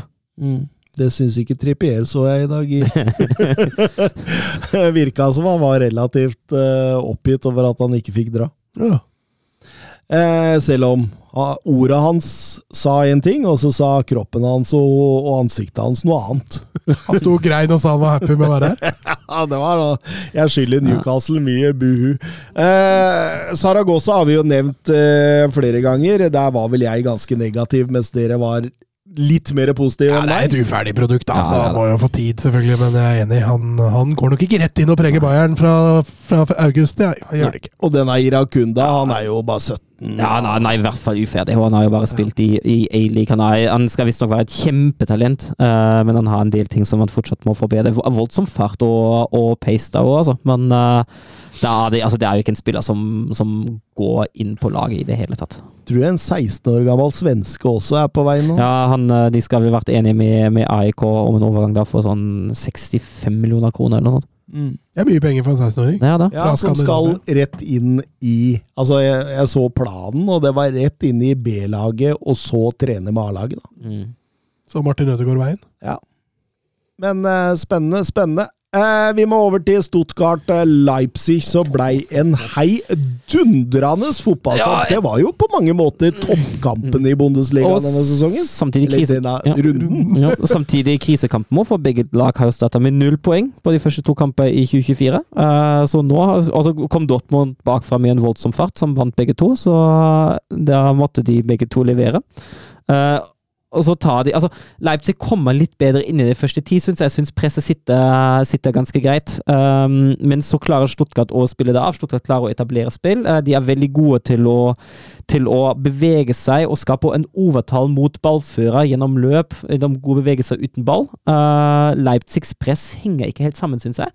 Syns det er store avstander. Det er avstander til ballfører. Uh, og da tillater de Stuttgart å etablere seg. Det blir jo ikke noen voldsomme sjanser før det blir straffespark, men eh, på det tidspunktet Stuttgart får straffespark etter 25, er Stuttgart det klart beste laget i banespillet. Jeg syns det var dyktig å stenge av romma man veit RB Leipzig liker å bruke. Altså, det, det, det, så Olmo han kom nærmest ikke til sin rett i det hele tatt, og ikke denne Baumgartner heller. Overtall i sentrum hele tida for Stuttgart. Mm. Og det, det, fra, det fra frispillinger til Leipzig helt, eh, helt til uh, det eventuelt var en ball på kant. uh, men sentrumet var helt låst. Det var ikke noe mellomrom å få.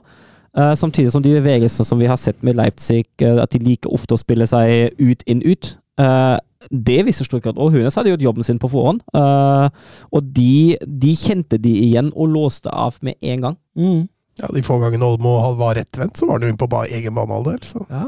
Jeg jeg syns det var strålende altså mottaktikk, eh, det Hønes hadde satt opp mot Rosa her. og Altså, jeg, jeg tenker jo at eh, når man går inn til pausen her med bare 2-1 til Stuttgart, Ja, er, så, så er eh, RB Leipzig heldig som Ja. på en måte er inne i matchen. Ja, jeg er helt enig. Uh, Stuttgart er det klart beste laget der, og kunne levert flere. Den skåringa til, uh, til CSK på 2-1 den kom jo ut av absolutt ingenting etter en corner. det. Ja, helt klart.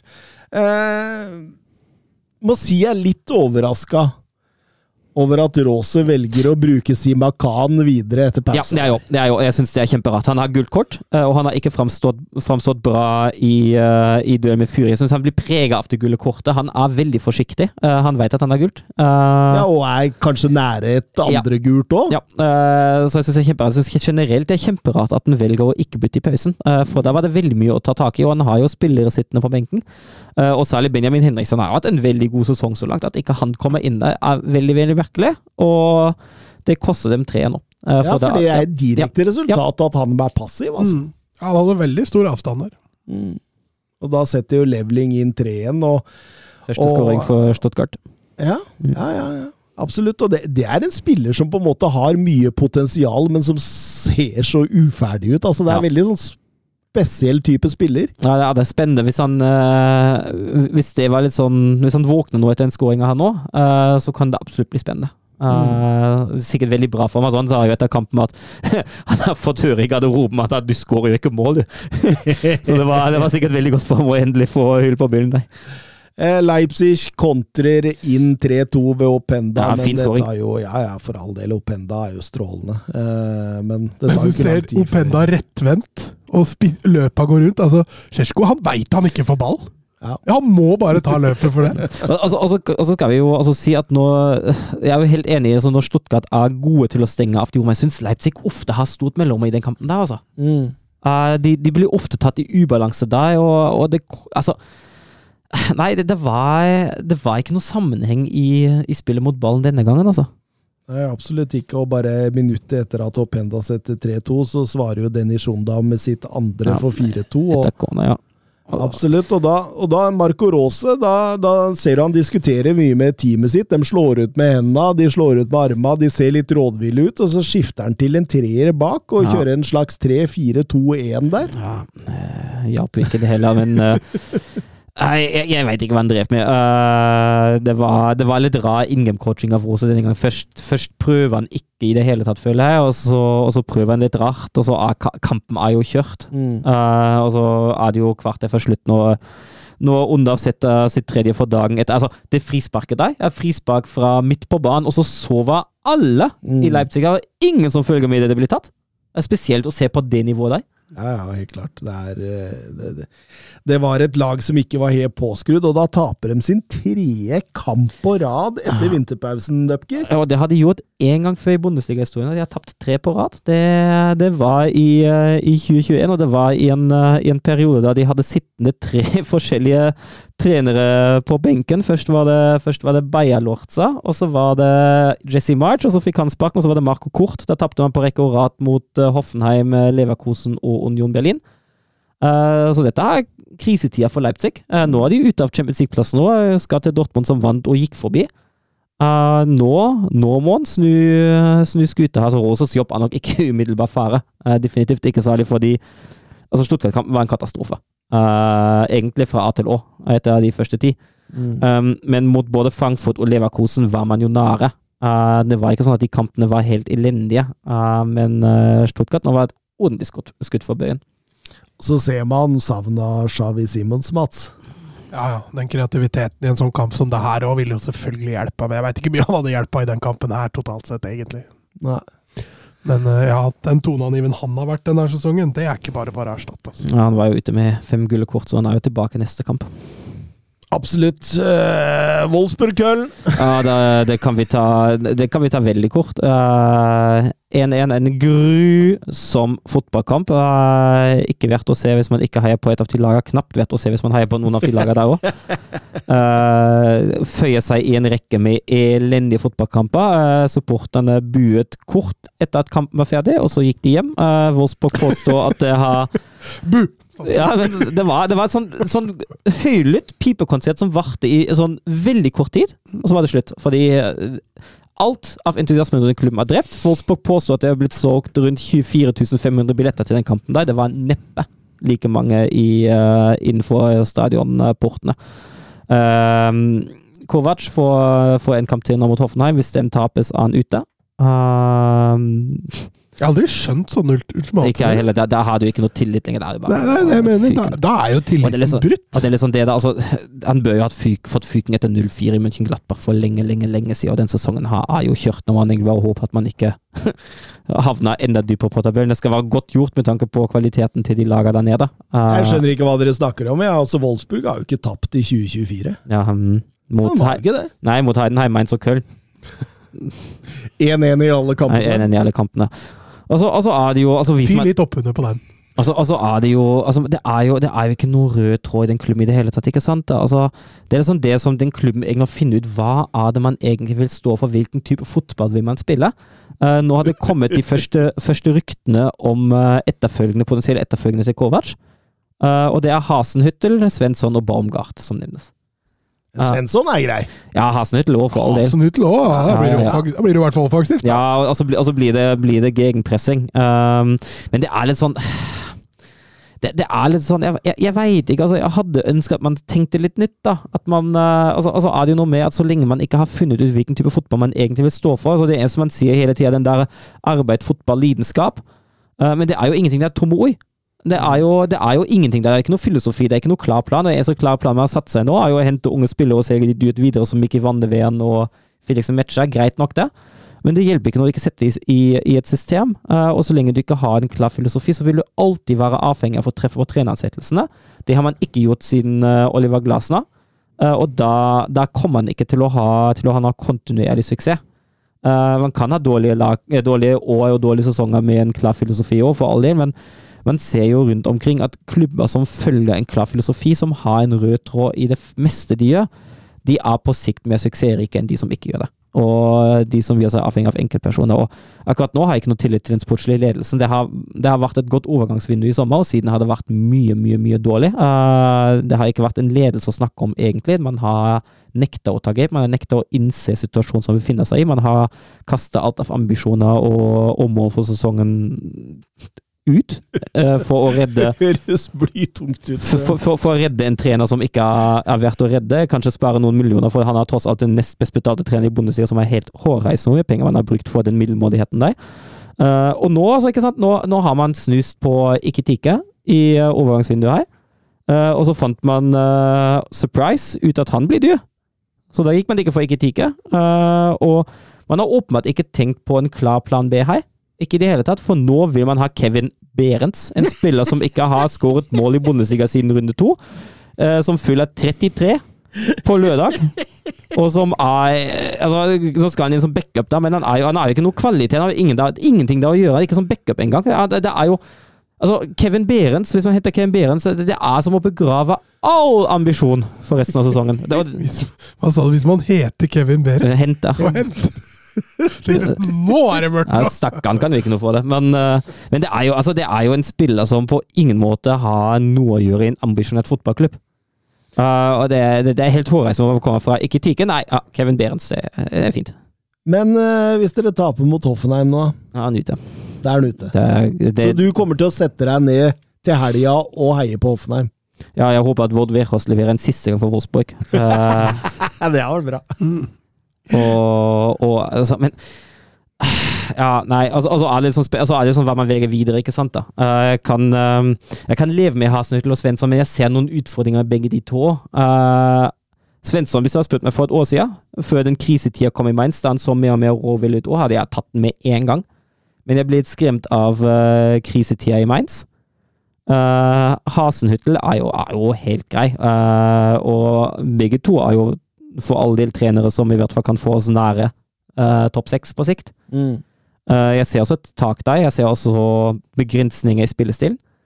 Um, men så er spørs hvilken løsning man velger. Om man finner en, uh, en vikartrener for resten av sesongen, eller om man uh, f.eks. henter da en av de uh, ut sesongen med en opsjon og sier vi avventer hvordan sesongen blir, og hvis du gjør det bra, så, så kan du få lov å fortsette. Altså, sånne løsninger er jo greie.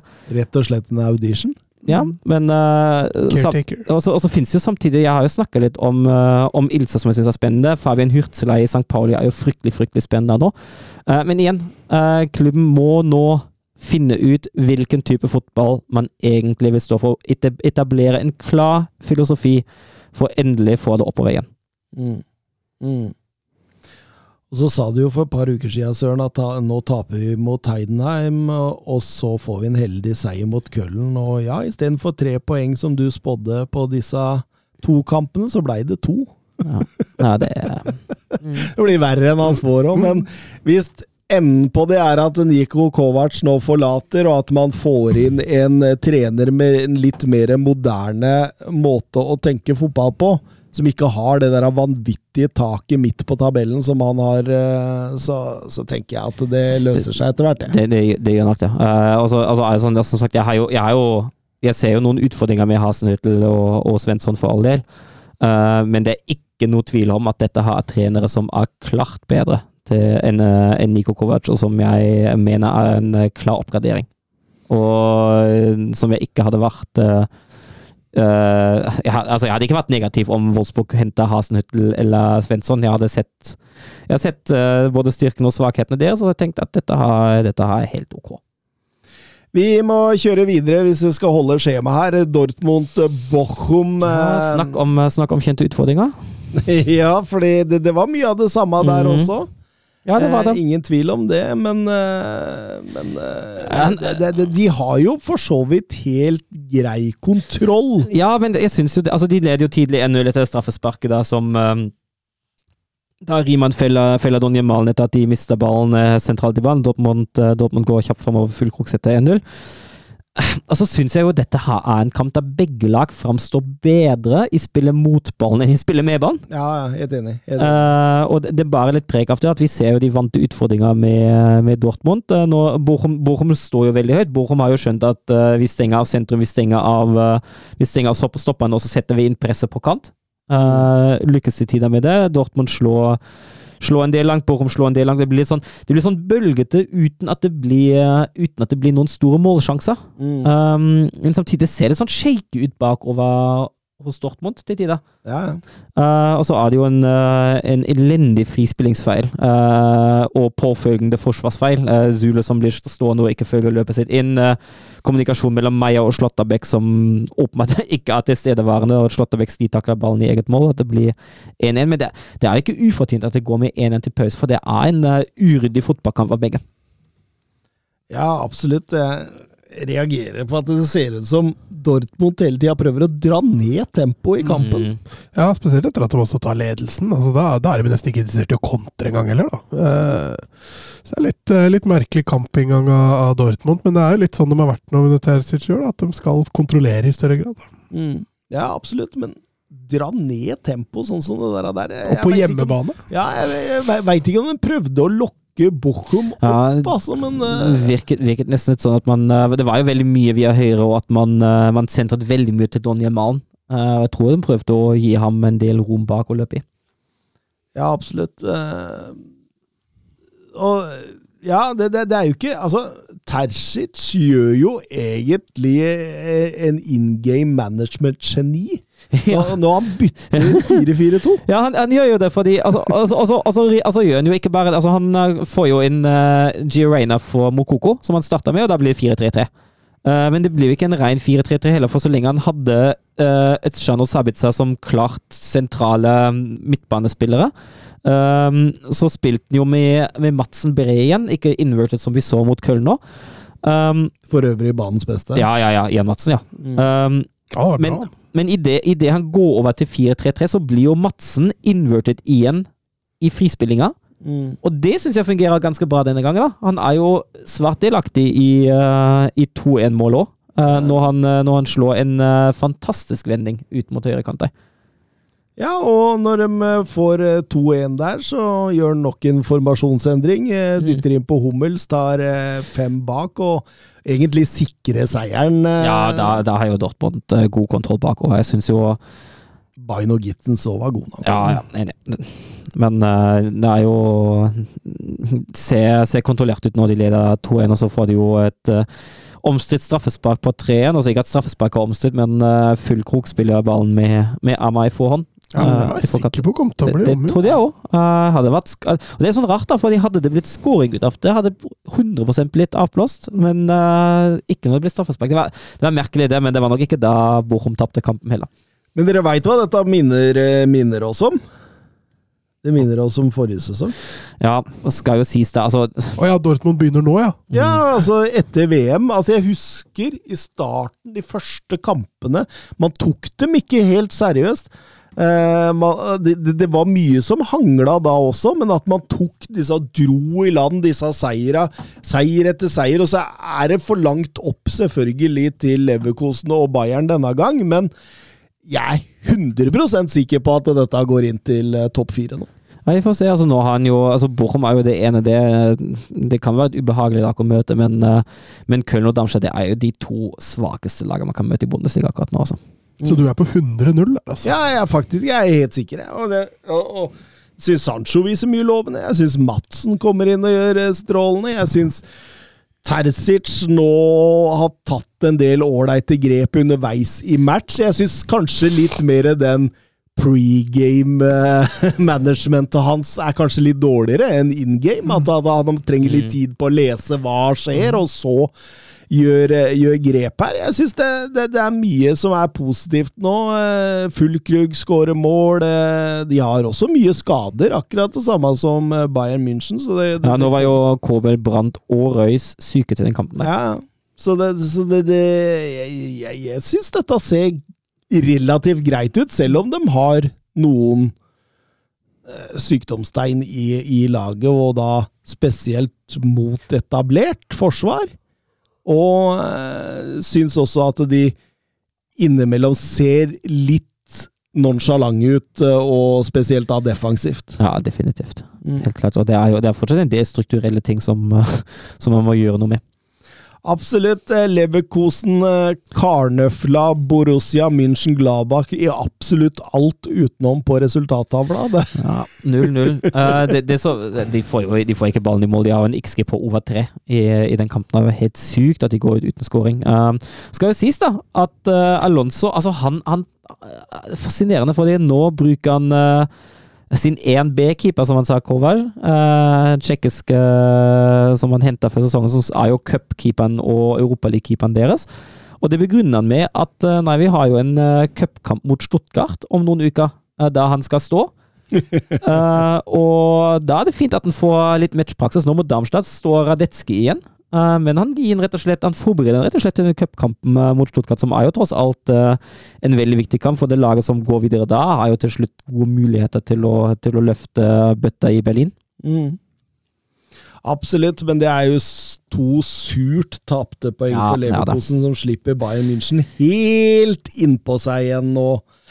Fredrik Konradsen han sier to strake til Bayern München og en uavgjort til Leverkosen, og plutselig så var det kontakt igjen. Undervurderte to av tre i studio Bayern München siste episode. Hvem var det som undervurderte? Jeg tror, jeg tror, jeg veit jo ikke, jeg har ikke snakka med han om det, men jeg tror han tenker på den eh, prosentsjansen dere formidla om eh, Leverkosen-gull, hvor Søren var oppe i 73, og du i, i, Nei, i, i 92. Nei, det var jo bare å tippe, nei, men det var jo bare å tippe hva, hva, Oppda, hva Oppda hadde sagt, hvor stor sjansen var. Det var jo ikke noe hva jeg personlig mente. Personlig mener jeg at den er mellom 60 og 75. Uh, og det står jeg ved. Uh, og Ja, fortsatt? At du Ja, ja, ja. nå eh, Definitivt. For hvis du ser bak resultatet i de kampene her nå uh, Leverkosten leverte en klart bedre fotballkamp mot München Mönchengladbach enn det Bayern gjorde mot Augsburg. Jo, jo, men det er Bayern, liksom. Ja, jeg vet, men uh, fortsatt alt tyder Altså, jeg sier ikke at Bayern absolutt ikke har sjans. Det kan hende at Bayern til slutt står med gull. Uh, 35 er, er ikke Det er ikke lite. Um, men Til Bayern å være er det lite. ja, ja, ja, men likevel, altså, du vinner Så mange kamper igjen. Ja, men fortsatt. Jeg står ved det. Du, og du ser det, du ser det måten de spiller på. Uh, Leverkosen spiller sin greie. Nå fungerte det ikke mot Mönchengladbach greit, uh, men det Du er kan si det fungerte. Det Det gjorde det. var ikke ja, ja, det fikk ikke utslag på, Ah. på resultattavla, men det, det ser så suverent ut at det, det er ikke måte på. Bayern sliter. Bayern har, har en tynn og utsatt tropp. Det forsvinner spillere ut kamp etter kamp etter kamp nå. Eh, Leverkosen får spillerne tilbake nå. Enten Kosono eller Tapsoba i hvert fall tilbake uh, mot Bayern 10. februar, for en av de ryker når de møter hverandre. Kanskje ryker begge to i mellomtida. Ja, de møter, ryker ikke samtidig Nei, nei, når de møter hverandre. møter hverandre. Um, Leverkosen det ser, det ser så mye bedre ut. Det Er Palacios tilbake igjen? Til den? Ja, vi får se. Det er fortsatt uavklart, for det hadde vært veldig viktig å få han tilbake. Ja, Um, men Lever Leverkosen ser på så mange måter bedre ut enn Bayern, og mer stabilt, og bunnivået såpass høyere at Bayern kan fort ryke på, på flere poengtap enn Bayern Leverkosen nå, altså. Uh, jeg anser Leverkosen som favoritt. Uh, ikke 80-20, ikke 90-10, men 65-35. Den står jeg i hvert fall ved. Uh, og så er det klart at det betyr ikke at Bayern har null sjanse. Jeg er på 60-40 i Bayern. Men, men, men det, er, det er litt sånn jeg, jeg, jeg er ikke uenig i det Søren sier, men det er Bayern. og eh, de har Harry Kane, som kommer sikkert til å skåre i hvert fall 20 mål til i resten av sesongen. Nei, Og så Hæ? hjelper ikke hvis fem av de er når de slår Darmstadt 8-0 igjen, da. Nei da, for all del, men, eller det hjelper jo. Ja, ja, ja. Men eh, Og så tror jeg også det kan være muligheter for at du får en dupp i Leverkosen. De har ikke hatt duppen. Og de aller, aller fleste får duppen. Men, men eh, det som vi er enig med Søren der, er jo måten de har fremstått på, selv med alle de forfallene de har hatt nå, da, med Afrikamesterskap og sånn. De har ikke viket en tomme fra spillestilen sin. neida. Men duppen kan komme for Den, den, den kan, og de får mange kamper òg. De har Europaliga, og det skal jo spilles i, i cupen. Og det er uh, tøft kampprogram for Bayer Leverkosen også. Eh, men sa jeg virkelig 90-20? Nei, du tippa, du tippa på hva Oppda sa Leverkosen kom Å oh, ja, hva vi tippa ja, på? Ja, ok! Ja, for 90-20 Det var du som sa! Nei, 92. Å oh, ja, ok. 90-20! Du som sa 92, tenkte jeg kan jeg 90-20? Nei, men Sa jeg virkelig hva jeg trodde? Ja, du trodde det var eh, at Oppda hadde regna det ut til at det var 92 Ja, ja, men hva jeg trodde, ikke hva Oppda Nei, trodde. Du, du, du, svarte på hva Oppda hadde regna på ja. som sannsynlig prosentsjanse for at det Bayer Leverkosen skulle vinne gull. Ok. ok. Svaret var 32. Ja, ok, nå husker jeg. Eh, så de er egentlig Altså, nå har det skjedd mye positivt i, i, i fordel Bayern Siden siden, dette. Ja. og, og likevel så er de altså lavere enn det jeg er nå i dag.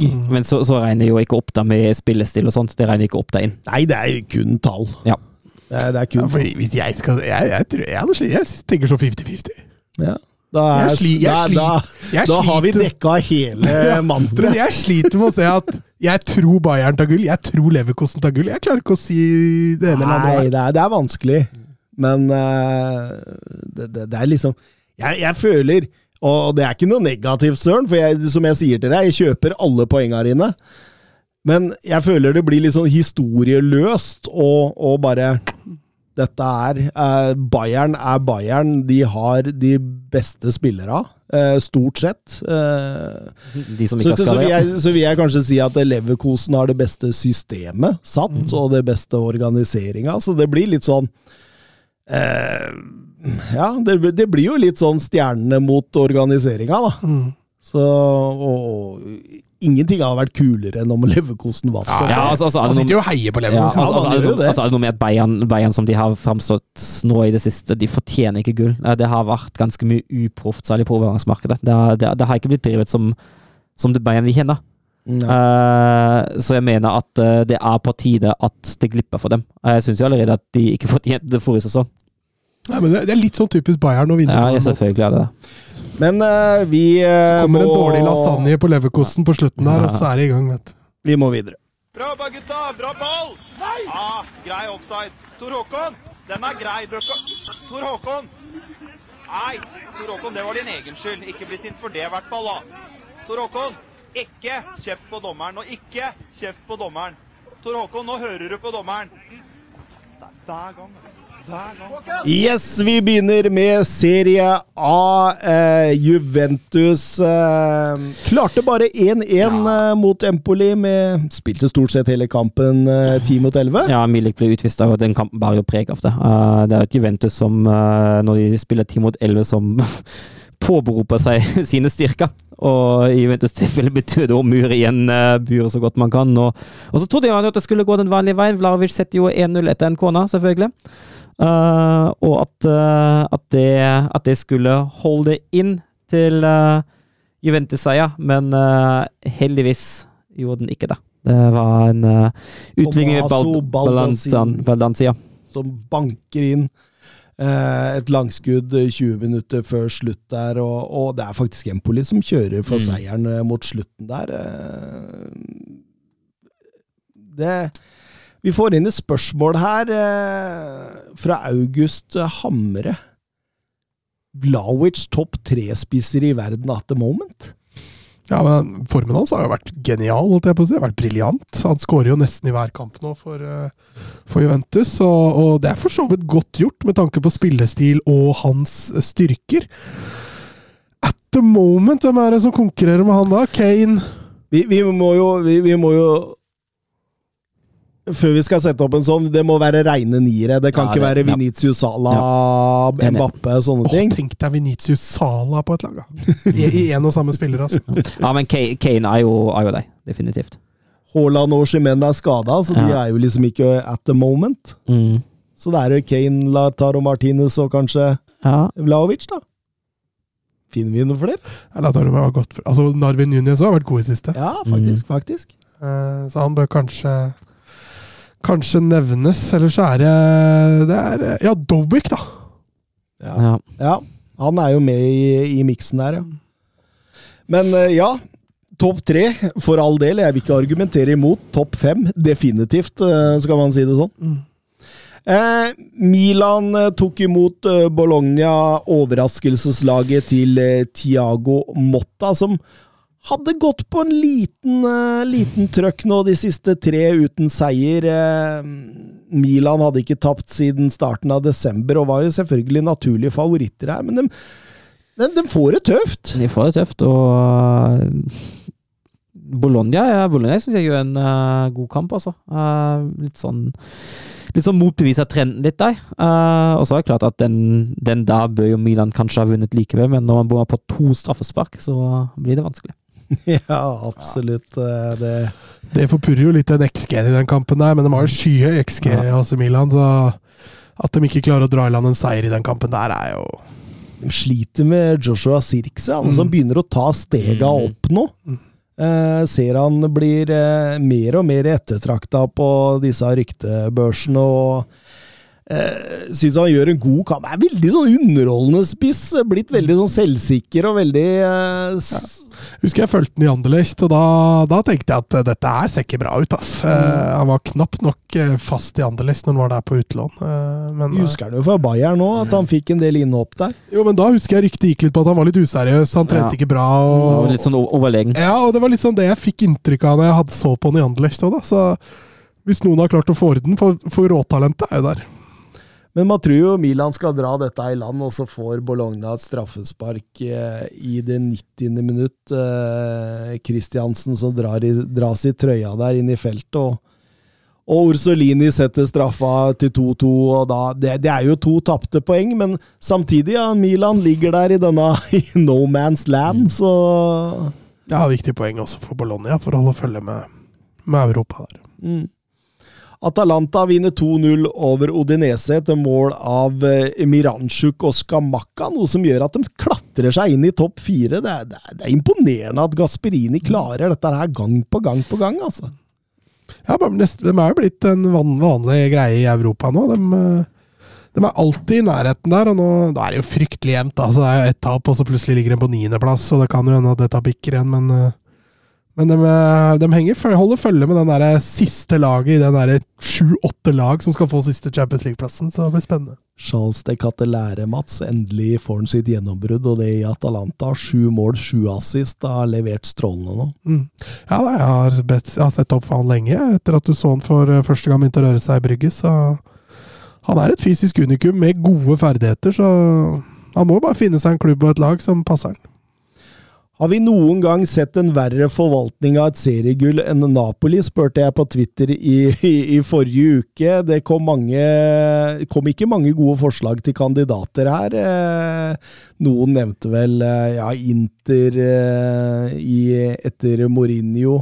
Leicester, da. Noen Ja, men, Ja, men det, det- det, var, sånn- det var likevel sånn Det, det var jo ikke storlag, så det skulle så mye til for at ikke de ble kjøpt opp rubb og stubb, ikke sant? Jo, men forutsetningene var hvem lag har Ja, men nei, for, men jeg, jeg, er ikke, jeg er ikke enig i det. Fordi uh, Leicester tok et overraskende seriegull, og grunnlaget de starta på sesongen etter, var langt lavere enn Napoli sitt nå. Napoli så man jo ganske tidlig var en av favorittene. Stabæk, da. Vær så snill, da! Jo, men grunnlig, jeg bare tenker på premisset ditt. Altså hvem som har forvalta et seriegull dårligst, liksom. Ja, men vi kan ikke drasse Vi kan ikke dra i serien her.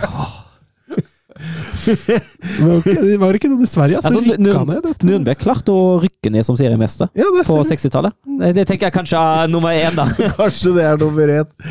Eh, men Mats Harry, nå har han gått tilbake til sin egen identitet. Eh, Mats, eh, altså Torjus Hansen spør er det riktig å bryte med den 4-3-3-tråden til Napoli. Jeg tenker at han gjør eh, lurt i å prøve noe annet, for det å trene noen andres stil er sjelden eh, lurt, sånn sett. Eh, og så har de heller ikke gitt noe særlig avkastning, så at han, han prøver noe nytt, og, og spesielt nå, da, hvor hvor Kvarasjkela og, og Oshimen har vært utilgjengelige, så er det kanskje greit å, å prøve noe annet. Ja, de har jo ikke sluppet inn mål etter at han eh, bytta om til dette systemet. Og Leo Østigård har kommet seg inn på laget og har gjort det ganske bra. Ja, nå, nå skal de ikke være interessert i å selge den lenger, da. Tar i tanke på prestasjonen han hadde nå mot Lazio, i hvert fall. så kan det jo hende at de havner i denne Rafa Leao-fella fra Husker Pioli når han bytta til samme formasjon i fjor, så, så gikk det utover Leao. Men jeg tror kanskje Kvarasjkela kan løse det bedre, for han er ikke så avhengig av rom. Nei, også, også den rollen, en av de to bak spissene-rollen, kan jo han passe i. Eh, så jeg er litt enig med deg at det, det kan løses. Men det blei en vanvittig kjedelig fotballkamp mot eh, Lazio, som det stort sett har blitt etter at Mats Harry bytta formasjon. Det blei 0-0, og det var knapt nok en målsjanse der. Napoli hadde ikke et eneste skudd på mål i løpet av hele kampen, så det, det var ikke mye å hoppe i taket for. Og så var det storkamp søndag. Fiorentina-Inter, eh, nummer to mot nummer fire på tabellen. Eh, Italiano mot eh, Insagi. Store forventninger her. Eh, man trodde jo at Inter kunne ryke på et bananskall, og det De har flaks at de, de tar alle tre poengene Ja, i hvert her. fall at de tar tre poeng. ja. Mm. For eh, Fiorentina kunne fint ha produsert noe mer, mer tellende i den kampen der. Eh, Så, men, men altså, er, forskjellen er Lauro, Lautoro Martinez. Mm. Mm. Ja, ja, absolutt. Eh, Header inn 1-0 tidlig der på, på, fra corner. og Fiorentina får et straffespark etter at Sommer tar en Neuer. Altså han Karneflu en Sola der. treffer ball, men treffer også en Sola, eh, ikke i bakhodet, men rett i trynet. Eh, det blir straffespark. Gonzales triller ballen i fanget på Sommer der. og og eh, da er tabelltoppen igjen Inter sin, etter at Juventus har hatt den på lån mens Inter lekte i, i Saudi-Arabia. Ja, Inter har vel også en hengekamp, har de ikke? det? Så det kan jo øke. Salernitana-Roma den, den spilles akkurat nå. Eh, med Roma-seier så går de faktisk opp på femteplass, ett poeng bak. Ja, Roma leder. Trengte, trengte bare å sparke Mourinho, vet du.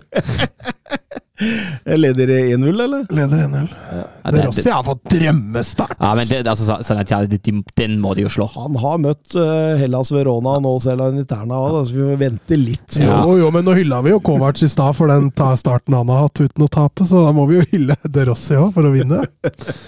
Hyll, hylle Kovac i 2024. Altså. Litt liga. PSG Brest 2-2. Eh, Det var serielederen mot overraskelseslaget. Det, det var ekstremt imponerende å komme tilbake fra 0-2 der for, for Brest. Eh, Men noe må jo ha skjedd i den pausen. Jeg satt og så på deler av den fotballkampen, og, og førsteomgangen til PSG er, er veldig bra.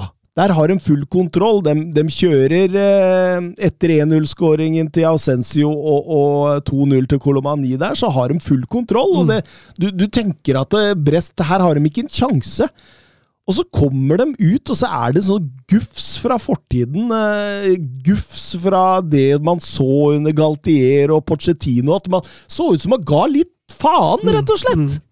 Motivasjonen så litt borte ut. Ja, rett og slett. Altså, når, eh, når Mathias Pereira Lages eh, hælflikker nydelig inn 2-2 ti minutter før slutt, så tenker man at ja, men dette er, de har hatt hver sin omgang. Dette er helt uh, fortjent. Uh, Bradley Bacola pådrar seg også et rødt kort på overtid der, hans andre gule, men det hadde vel heller ikke vært noe å si på om det var direkte rødt kort, for det, det er jo bare frustrasjon. Han Ja. sparker bra inn.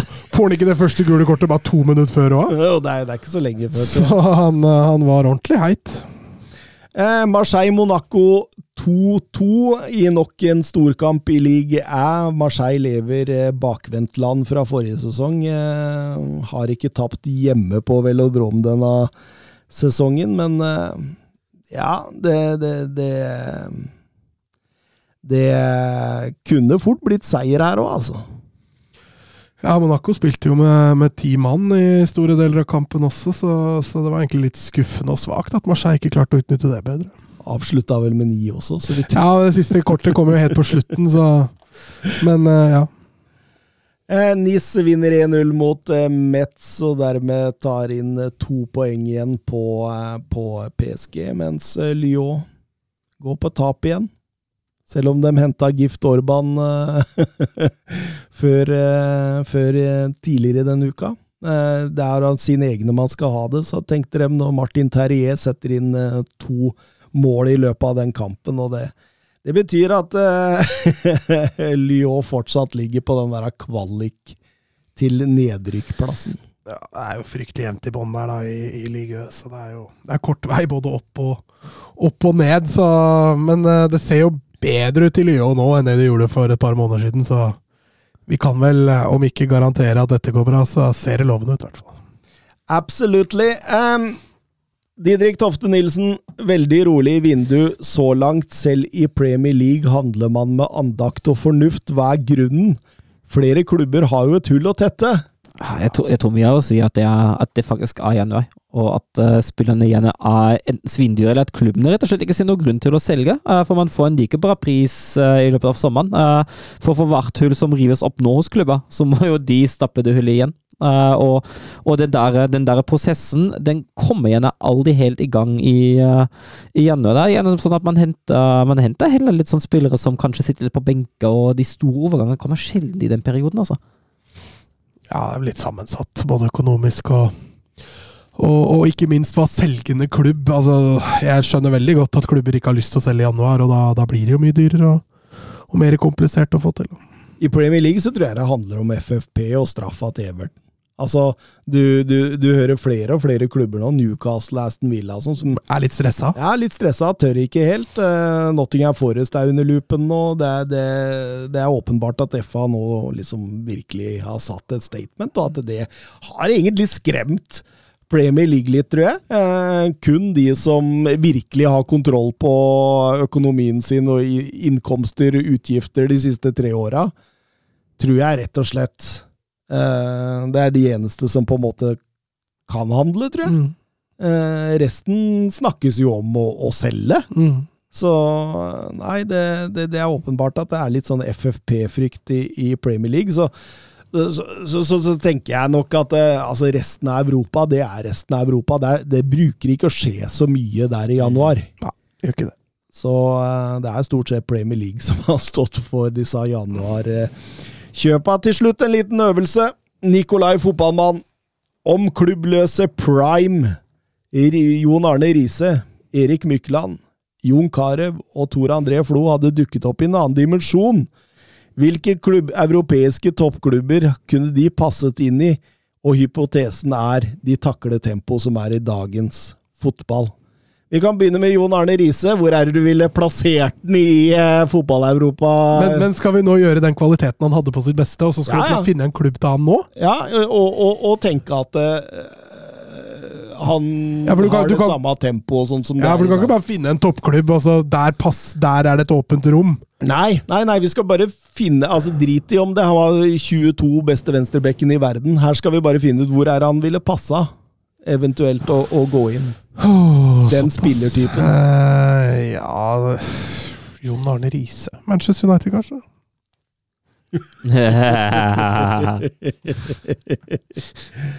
Jeg, jeg, vet, du hva, vet du hva jeg satt og tenkte på? Han hadde passa i, eh, passa i Chelsea. Altså, Vi dytter den inn i en storklubb med en gang. Ja, ja, jo, men altså, kvaliteten han hadde har Pri- Prime Riise? Prime Ja. Riise var jo en av verdens beste Ja, ja, Han var jo best offensivt enn defensivt, og han skøyt jo oftere enn han sentra, så kunne kanskje ha passa. Mm. Erik Mykland. Det var en deilig fotballspiller, ass. Ja, jeg har ikke så mye å komme med Jeg Det er litt før min tid, for jeg kunne Ja. bedømme spillerne godt nok, altså. Nei, Jeg og Mats kan jo Å, fy flate. Jeg har fått inn han i Tottenham. inn i tierrollen. Nei, men han, han var Nei, ikke tier. nei, nei, nei, han var jo litt ryddegutt, og han. Han Han kunne fint fint vært en av de to. Passa som en ny sarr.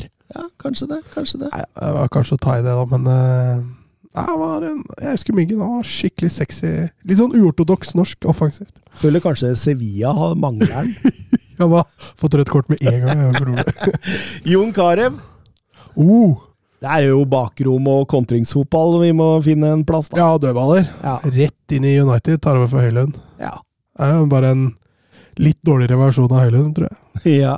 Westham kunne passa. Ja, Westham hadde også vært fint. Atletico Madrid, kanskje. Eh, Tor André Flo eller, Han skriver Flo, er det Jostein Flo? Å, Jostein Flo, det er Stoke 100 dager i uka, da! Kanskje Brentford innhopp i ny og ne. Tor André Flo? Ja, Brentford. Brentford. Brentford. Jeg, har alltid følt at han passer i Italia og Spania. Mm. Teknisk eh, liksom. Føler ikke alltid han har hatt fysikken til Premier League. Men han var jo god, der. Ja, han var jo Han var god i. Skottland òg, så Ja. han Og så var han skåret han alltid i debuten. Ja, stemmer det. Han skåret alltid i debutmål. Eh, skal vi si oss ferdige? jeg, jeg har fått et spørsmål, jeg òg. Har du fått et spørsmål? Ja, Eivind Støen som spør om jeg kan rangere disse trenerne fra første til sjetteplass best til verst, på Inge Management. Oi. Kovac, eh, Solbakken, Mourinho, Alonso, Klopp og Guardiola. Kom den sånn etter jeg har skrevet dem ned? kom, eh, kom ti på fem i dag, den. Ja, men da, da er jeg ferdig med å skrive Ja, okay, ja, jeg skjønner, ja. Nei, men jeg, jeg, sånn. Jeg kan ikke sitte hele kvelden og skrive ned spørsmåla her òg. Men jeg, jeg fikk med meg i hvert fall, da. Og tenkte at den er, den er litt morsom. Ja, få høre, da. Ja, altså Det er jo litt, det er litt uh, tett i bunn og tett i topp, da. Uh, det står Det er mellom sprik der. Det er sprik, det er voldsomt sprik. Det står, det står mellom Solbakken og Kovac uh, på sisteplass der, men det, det får faktisk Solbakken, Solbakken sist. Og Kovac knepet over. Eh, så det Mourinho ganske trygg på en uh, fjerdeplass i det selskapet der. Og så syns jeg også det er fryktelig jevnt i toppen. Uh, vi har snakket litt om at Klopp har blitt mye, mye bedre in game. Han har ikke lenger den der standard-move at han går over til 4-2-4 og prøver litt hardere med det han prøver på. Uh, Xavi Alonso og Pep Guardiola har jo vist at de er gode in game-managere, så dette, dette her er fryktelig fryktelig jevnt. Men jeg setter Klopp på tre, Xavi på to og Guardiola på én. I istemmes, det. Det er ikke så langt unna sannheten, tror jeg, nei. Skal vi ta farvel? Vi tar en adjø. Ha det. Ha det! Messi.